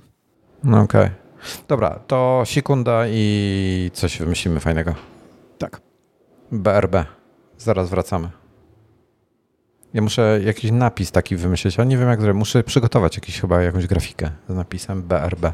Zaraz wracamy. Zaraz się zabiję, usiadam po turecku na krześle, który jest odchylony do tyłu. Tomek się spóźnia. Ja przepraszam za Tomka. On zawsze się spóźnia. On lubi tak. Na kontrakcie. Hmm. No. Hmm. Ciekawe tematy e, w tym. E, e, Heisenberg, Tomek mieszka w Tajlandii, tam trzeba uważać na dziewczynę, bo może być niespodzianka. Bartek, wiem, wiem, widziałem, się, czasami, serio ciężko czasami odróżnić. Spóźniłeś się znowu. Żartuję. Ja zaraz orła wywinę z tego mojego fotela. E, o tym. E, Marcin, gdzie jest ten stream dla bezrobotnych? Mówi, bo nie mówisz chyba o nas. Jest piątek, piątek, piątek, piąteczek, pro- piątunia. W ogóle wczoraj, z- wczoraj z kolegą rozmawiałem o prokrastynacji i, i właśnie powiedziałem mu, tak zaczepnie napisałem, miałem nadzieję, że załapie o co mi chodzi i załapał. Napisałem mu, że, że e, nadal nie ma e, dnia, ni- e, że nadal w kalendarzu brakuje dnia prokrastynacji. On odpisał, tak, kiedyś w końcu się tym zajmiemy, czy coś w tym stylu, żeby był, także no. Piątek rano jest perfekt, bo już nikomu się nie chce i wszyscy siedzą w pracy tak z przymusu, poza osobami, które pracują w Nozbi i poza Bartkiem, który jest księżniczką i pracuje dwie godziny dziennie, śpi do godziny 12 i potem o 16 już jest e, wolny i jest, jeszcze w międzyczasie ma drzemkę e, to, e, to, to Nozbi pracuje chyba 4 dni w tygodniu w tej chwili, ekipa Nozbi. Tak, tak. Ten four-day work piąty, week dzień mają. jest, ten piąty dzień jest tak, żeby się rozwijać, żeby sobie tam porobić jakieś kursy, jakieś inne rzeczy. No, jest to coraz popularniejsze chyba. Czterodniowy tydzień pracy, sześciogodzinny. Yy, Słyszałem no o wszystkie- dwóch firmach, które to robią. O dwóch? No, o Nozbi i jeszcze kto, kimś innym, na kim się Nozbi, y, chyba skąd Nozbi zaczerpnął in- inspirację. Hmm. To nie, wiesz co, słyszałem to yy, więcej razy, a ostatnio jeszcze słyszałem w jakiejś firmie game, game devowej, chyba polskiej. Co to było? I tak mnie to zdziwiło, że w game devie coś takiego, bo to jest znane z pracy po 15 godzin dziennie, 7 dni w tygodniu. No, game dev to jest straszne. Jeśli chodzi, to, to, to może zniszczyć człowieka dosłownie. Tam przecież ile, I teraz nie już tylko game lepiej. dev. Wszyscy Ale game dev jest znany z tego. Mhm. Wczoraj czytałem jakiś artykuł o tym, jak jakiś gość tam poświęcił 2000 godzin, włożył w jakiś projekt, 200 tysięcy em, 200 tysięcy euro w to włożył i w zasadzie nie wypał. Mhm. I potrzebuje jeszcze drugie tyle kasy, drugie tyle euro i tam A, ale to post jego na- własna firma. Tak, tak. Mhm. Rozkminiał, co dalej robić. No jak tam w własnej firmie, to niech sobie robi ile chce, ale były sytuacje takie, że pracownikom się nie płaciło za nadgodziny. W ogóle Blizzard jest znany z tego, że teraz Blizzard to będzie już inna firma, no bo Microsoft ich przejął. No, Ale no. do tej pory to Tak, właśnie myślisz, lata... że, że u nich się coś zmieni, w sensie w strukturze? Oj, tak, tak, tak, na pewno. Do tej pory Blizzard był firmą, której poza tymi nadgodzinami, to oni też płacili bardzo źle. Y, byli jedną z najgorzej płacących firm w branży. I y, chyba dlatego, że to była firma po prostu tak kultowa, że ludzie tam chcieli pracować ze względu na te tytuły, na StarCrafta, Warcrafta, Diablo. Y, nie, nie dziwię się, no jak wchodziłem do gimnazjum, to moim największym marzeniem w życiu było pracować w Blizzardzie. Nie miałem żadnych ambicji, żeby, jako, żeby zrobić coś w tym kierunku, żeby tam pracować, ale wydawało mi się to jako najlepsza praca na świecie. Oczywiście nie miałem pojęcia, jak to wygląda. Y, nie miałem pojęcia w ogóle nic o game devie, ale w mojej wyobraźni to było to, co można jako no, naj, najwyższe osiągnięcia y, pracować tam. To co? Heisenberg e, pisze, że ten za tydzień lecimy, robimy na ten, na, na chodząco podcast? Możemy zrobić. Jesteś w stanie się tak ustawić, żeby mieć na, na ten, na chodząco? Tak, już tak nagrywaliśmy, tylko w sensie w takim setupie na tej mojej drugiej kamerze. Tylko ja wtedy byłem na siedząco, no ale jedyne co muszę zrobić to kliknąć przycisk, żeby podnieść biurko i tyle. No okej, okay. dobra. Ile może, kadr, potem... może kadr nie będzie idealny, ale, ale dam radę. Tylko z tym hałasem nie wiadomo jak będzie. No właśnie tego się Możemy teraz, zaraz jak skończymy, możemy, mo, mogę podnieść biurko, postawić bieżnie i na próbę możemy spróbować. E, mhm. E, z mojej strony ten na afterze. Okej. Okay. Ja za gruby jestem na bieżnię, ale zaoszczędzę sobie transfer i pójdę na spacer, napisał Cloud Dancer. Za grubym to można być na bieżnię do biegania, nie na bieżnię do chodzenia. Nie, no ona też jakiś tam limit ma 120 czy 150 kilo chyba. A, faktycznie, tak, tak. No. Tak, 120. Mhm. No, a jak ktoś ma, wiesz, e, mhm. 92 metry wzrostu, to tak 120 kilo, to tak wiesz, to nie, nie, nie trudno osiągnąć. Mhm. Nawet nie, nie będąc grubym, tak? Nie mówię, że to jest idealna waga, ale po prostu. No, faktycznie. Niedawno się dowiedziałem, że buty, większość butów takich biegowych y, jest robiona na maksymalnie bodajże 85 kg. Serio? Jak masz więcej, to już ciężko coś dopasować. No bo wiesz, jak wow. idziesz do takiego sklepu, to y, mówisz, na jakiej nawierzchni będziesz y, tam biegał, chodził, z jakimi prędkościami i tak dalej. No i oni ci, że masz taką, taką stopę, tam niektóre sklepy to chyba jakieś skany nawet robią i na bazie tego dopasowują ci idealny model. Y, tylko właśnie problem mają te osoby, które ważą po 90 kg i więcej, że niewiele jest modeli, które są przystosowane do takiej wagi. Ja mam straszny problem z tym. Um, walking pad ma limit właśnie 120 kg, a ja ważąc 135 chodziłem na niej i daję rady, a ani jęknie ale to w takim razie nie będziesz biegał na niej te, przy tych 135, ale myślę, że dochodzenia to żaden problem. Ja mówię, że już do biegania. Schód, że już schód poniżej mhm. 120, więc jest ok. E, ja mam problem z butami generalnie do, do biegania, bo ja mam bardzo szeroką stopę. Ja mam amerykańską rozmiarówkę na szerokość, bo amerykańskie, amerykańskie buty, jak na przykład Nike kupujesz albo coś, e, wybierasz sobie też na szerokość mhm. Stopy. Mhm.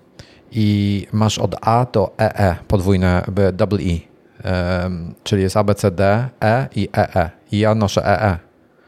E. I, I ciężko jest bardzo takie buty dostać w Polsce. Ja się niedawno dowiedziałem, że przynajmniej w przypadku Nike najlepiej jest korzystać z rozmiarówki amerykańskiej. Dlatego, że ona jest mniej więcej zawsze taka sama. To znaczy, jeśli mi pasuje rozmiar tam 43. A jak raz sobie dobierzesz, 10, to już potem jest ok, tak? Y, tak, że jeśli mam ten rozmiar 10, to w innych, na przykład y, tam chodziło chyba o Jordany, to też dziesiątka będzie pasować. A w przypadku rozmiarówki europejskiej raz to będzie 43, a raz może być na przykład 44. No, ciekawe. W ogóle kupowanie butów i spodni to jest, to są najgorsze zakupy, jakie sobie mogę wyobrazić. W ogóle bo... ciuchów. Ja wiesz co ostatnio zrobiłem? Kupiłem sobie tako, takie, bo ja bardzo nie lubię robić zakupów, też szczególnie teraz jest e, pandemia, w tych sklepach jest tak, a nie inaczej. E, wiesz, stracę kilka godzin na to, żeby łazić po tych sklepach i, i w szlak nie trafia. I e, potrzebowałem gładkie t-shirty, bo mam tam, żona mi marudziła, że moje gładkie t-shirty, te, te, które miałem, że już są takie trochę poniszczone, miałem sobie nowe kupić. I miałem kiedyś 4F, nie wiem czy kojarzysz tą firmę 4F. Nie. Mm. I takie fitnessowe rzeczy robią ogólnie.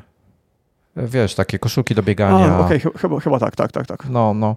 I, I oni zanim, znaczy nie wiem czy zanim, ale jeszcze jak mało robili tych fitnessowych ciuchów, e, to mieli świetne t-shirty, ale genialne t-shirty. Mieli naprawdę po prostu fajna bawełna, e, rozsądna cena, bardzo dobrze na mnie leżały, uwielbiałem. I, e, i miałem trochę tych t-shirtów i uwielbiam je do dzisiaj. Już są takie trochę strane, ale dalej je noszę. E, natomiast e, oni już przestali je robić, wiesz? Już po prostu ich nie robią. I, i potem przez długi czas nie kupowałem żadnych, bo nie mogłem nic znaleźć. Nie, nie lubię mieć jakichś napisów, naklejek, tych wszystkich innych takich rzeczy na t-shirtach. Lubię mieć gładkie.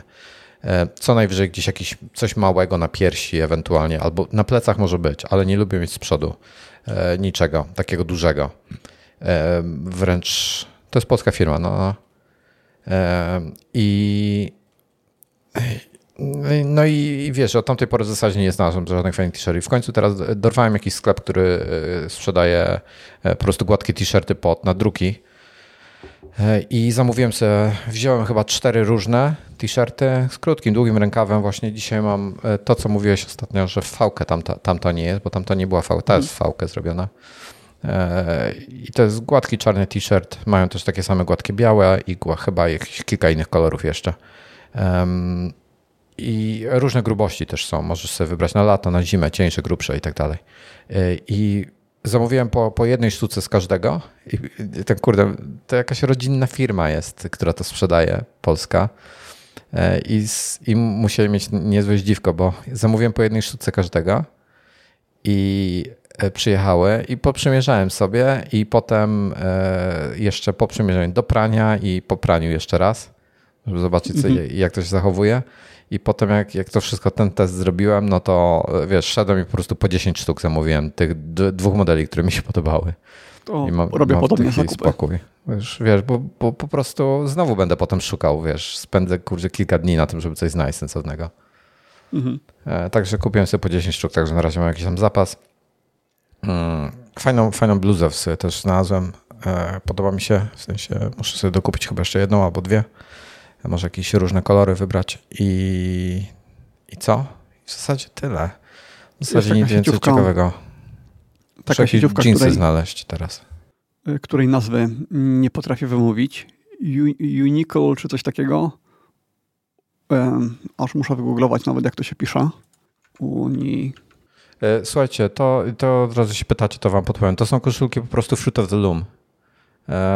bawełniane. Jest taka firma Uniqlo. Uniqlo. No. Y, popularna sieciówka chyba na całym świecie. Y, w Polsce wydaje mi się, że mają swoje oddziały. I oni mają właśnie takie rzeczy dość proste, w miarę dobrej jakości, w niskich cenach. I polecam. Jak się pytałem o ubrania, to dużo osób mi polecało tam i spodnie, i koszulki. I koszulki właśnie przy okazji też mają bardzo, bardzo tanie, bo tam chyba od 20 zł za taką bez nadruków, bez niczego. Mm, to na tą jakość, która tam jest, to jest, jest ok. O, widzisz, to, to mnie denerwuje, bo słuchaj, bo jest jakaś firma, na przykład, e, już nie pamiętam, czy to był Wrangler albo to chyba, albo to chyba jak Lewisy kupowałem sobie. Jak kupowałem sobie jeansy, to oni mieli, oni sprzedawali w dwupakach. Pamiętam, że to było e, w dwupakach. Sprzedawali t-shirty, gładkie t-shirty, tylko taki delikatny, biały t-shirt z delikatnym, jasno-szarym, ledwo widocznym napisem Levis. E, I i one nie były tanie, ale nie były też jakoś przesadnie drogie. Tam typu, nie wiem, pakiet kosztował 60-80 zł, może jeżeli tam typu 30-40 zł za t-shirta. No nie jest to tanie, ale nie jest to też jakoś bardzo dużo. To było wiele lat temu. I oni sprzedali takie dwupaki. I te t-shirty były super wykonane, gruba bawełna, taka fajna, wysokiej jakości. E, I to było fajne. I ja kupiłem chyba ze cztery sztuki tego. I potem chciałem dokupić więcej. E, i poszedłem do nich i mieli w trzy pakach inne e, i ja to wyjmuję, poszedłem to przymierzyć, bo myślałem, że to jest to samo, tylko po trzy sztuki teraz sprzedają. A to słuchaj, z takiej gównianej bawełny zrobione, w tej samej cenie tylko trzy sztuki, z gównianej bawełny, takiej, że jak założyłem, to to mi sutki normalnie prześwitywały, przez to taka cieniutka była. Mhm. I kurde, no i ja wiesz, no co mam a co z tamtymi? Czemu tamtych nie ma? No przestali robić. No jak przestali robić? No kurde, jedyny fajny, tak poza jeansami, to jedyny fajny produkt na tym sklepie, który mieliście. Tak sorry, no ale tak było, no. I no, no przestali. No i wiesz, no i I taka kicha. Potem był, potem Wrangler robił jakiś też fajny ciuch tego typu, już nie pamiętam, czy to była jakaś koszula, czy, czy, czy coś. Też właśnie jakiś taki fajny model i to było w ofercie, potem to wywalili. Potem w Esprit znalazłem jakieś fajne, takie z długim rękawem e, t-shirty, też je wywalili potem z oferty. I w Esprit też mieli fajne koszule, takie gładkie właśnie, białe i czarne, takie gładkie sportowe koszule, takie do jeansów, wiesz, idealne. Też je wywalili z oferty. No kurde, no po prostu tak mnie to denerwuje w tych firmach. E, ja kiedyś się naglądałem bardzo dużo porównań takich koszulek, właśnie bez żadnych nadruków, bez niczego, czy tam ewentualnie z jakimś malutkim logo, od najtańszych do najdroższych. I to, co z tego zapamiętałem, to jak się nazywa ta firma z krokodylem? E, Polo, czy to coś innego było? E, z to krokodylem to jest Lacoste, tak, tak. no. O tak, tak.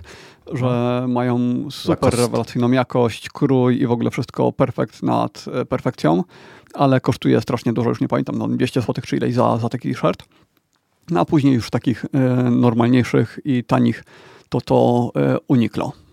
Uniqlo, ja, ja nie wiem jak to się wymawia. E, no. Ja teraz znalazłem fajną firmę, znaczy nie, nie ja znalazłem, ktoś mi podrzucił na Twitterze, jak tam parę tygodni temu szukałem.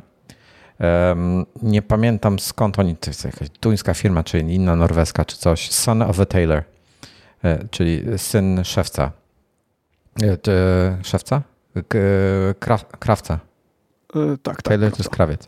Syn mm. krawca, tak jest tytuł. Nazwa.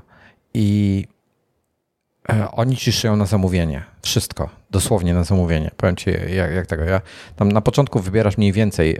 W ogóle mają tabelę e, wymiarów precyzyjnie podaną, czyli nie, że masz L, M i tak dalej i, i musisz sobie wybrać. Nie, każda koszulka, którą zamawiasz jest szyta dokładnie na taką szerokość. W kilku punktach na, na, na koszulce wybierasz szerokość koszulki, wybierasz długość rękawa, wybierasz to, jak rękaw ma być szeroki, e, jaki ma być kołnierz i tak dalej. Jest tam tych kombinacji. Do każdej koszulki masz 15 pozycji, które musisz sobie skonfigurować.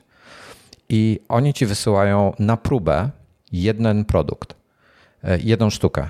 E, szyją ci na zamówienie, wysyłają ci to. Jeżeli zatwierdzasz rozmiar, jest ok, e, to kontynuują zamówienie i resztę rzeczy ci szyją. Jeżeli nie, to masz jedną poprawkę chyba za darmo. Czyli szyją ci poprawiony rozmiar, wysyłają ci znowu, mierzysz, jak jest ok, to tego. Jeżeli musisz jeszcze kolejne poprawki robić, to chyba już za nie płacisz, coś jakąś tam opłata jest za to.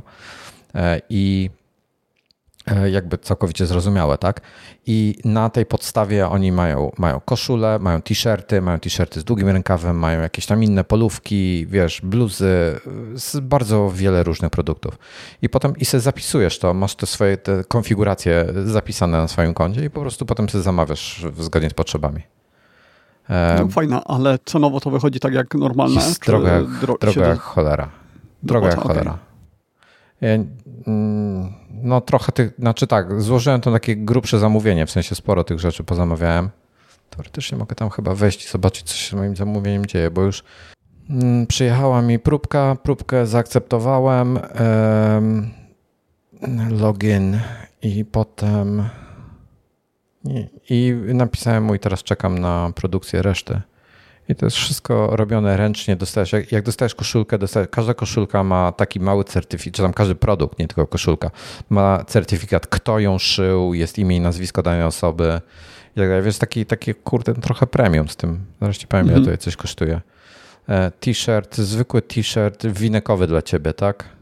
E, biały, tak, tak. jest też, koton jest różne rodzaje, jest medium, e, medium weight, lightweight albo heavy.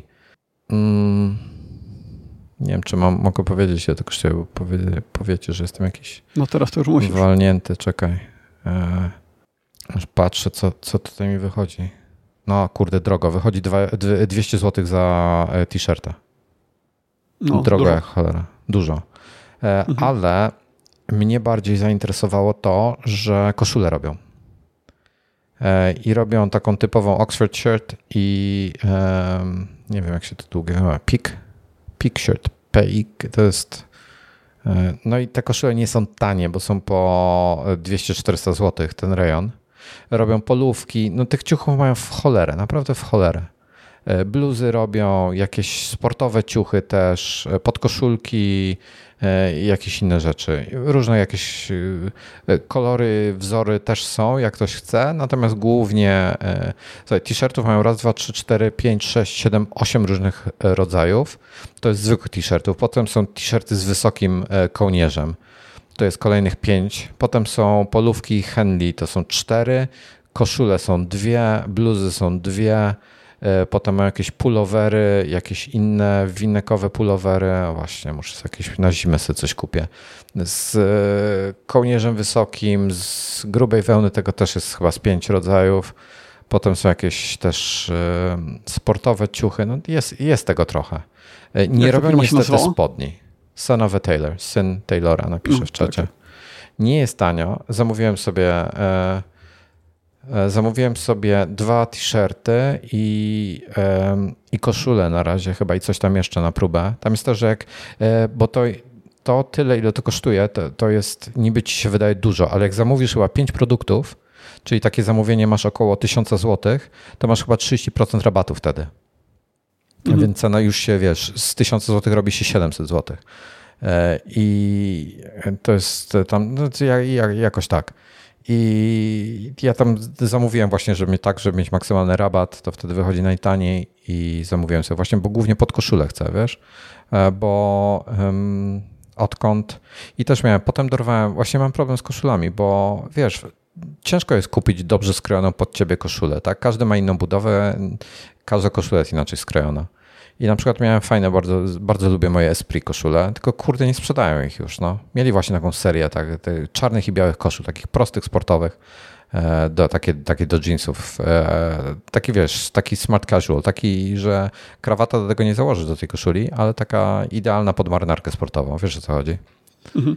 No i kurczę, przestali je sprzedawać. Także mam nadzieję, że te koszule mi będą pasowały. Czekam, czekam aż mi dojedzie zamówienie, zobaczymy, co to będzie warte. Co można raz na jakiś czas coś tam zamówić, może to będzie podwymiar robione, wiesz, schudniesz, to sobie możesz yy, zmniejszyć ten rozmiar, przytyjesz, to sobie zwiększysz, wiesz, no nie ma problemu, tak? To jest fajne. No, czeka mnie zamawianie na miarę yy, koszu. Hmm. Na szczęście w Tajlandii jest to dość powszechne. No, tu, Dużo miejsc to robi tanio. Kurde, to tam u ciebie to jest akurat rewelacja. Tam wszystko możesz na, na wymiar no, Na każdym skroić. kroku chyba są miejscówki, które to robią, tak, tak. Y, też y, pamiętam, zanim się tanio. przeprowadziłem do, zanim się przeprowadziłem do Bangkoku, no. To jak A szukałem informacji o Tajlandii, myślę, że wszystko. Dobra, no. To szukałem informacji i trafiałem na info mm, ludzi ze Stanów Zjednoczonych, którzy latali do Tajlandii po to, żeby sobie tutaj zrobić garnitury, bo tak jakby y, taniej wychodziło zrobić ten garnitur tutaj, zrobić sobie przy okazji jakieś tam krótkie wakacje, y, niż kupować to w, w Stanach. No, oczywiście, że tak. Dobry, dobry garnitur. Dobry garnitur. Dobry taki, nie wiem, każdy będzie miał inne pojęcie o tym, co, co ile kosztuje dobry garnitur. Um, ale w Polsce ceny markowych ciuchów są chore. Generalnie na przykład e, zamiast kupować jak, jakiś taki drogi markowy garnitur w Polsce, to taniej jest pojechać do Niemiec, do e, Amsterdamu, e, do Francji i tam, bo tam kupisz za jedną trzecią ceny ten sam produkt. Mhm. Bo, bo u nas po prostu za mało się tego sprzedaje i ceny są, wiesz, w miejscówkach takich super ekskluzywnych, gdzie jest strasznie drogie e, ten e, czynsz i, i oni muszą mieć z kosmosu ceny, żeby się utrzymać. A, a w innych krajach po prostu dużo więcej ludzi stać na to i dużo więcej ludzi to kupuje i, i, i mają niższe ceny, no po prostu. Mimo, że są to takie, wiesz, high-endowe, markowe ciuchy. Takie, co, wiesz, E, typu, typu e, Gucci, tak? Mówię, mówię o tego typu markach. Takie dla, dla najbogatszych. Mhm. I, I nagle się okazuje, wiesz, że e, Polaka na, nie wiem, na garnitur, nie wiem jaki, Bossa albo jakiś inny w Polsce niekoniecznie go stać, albo nie, nie chce wydać tyle pieniędzy, nawet jak go stać, ale wjeżdża za granicę i ma trzy razy taniej ten sam garnitur, dokładnie ten sam produkt. Słychać hałasy z woru, czy nie? W tej chwili coś się pojawiło. Nie wiem, co robią, ale też, też coś słyszę. No, e, także tak. E, tak samo jest w ogóle ten, na przykład biżuterii w ogóle w Polsce e, nie ma sensu kupować. e, na zamówienie. Fajnie jest pójść do złotnika jakiegoś dobrego, który ci zrobi coś na zamówienie, unikalnego i tak dalej, bo wtedy będziesz miał e, dobrą cenę i wyjątkowy produkt.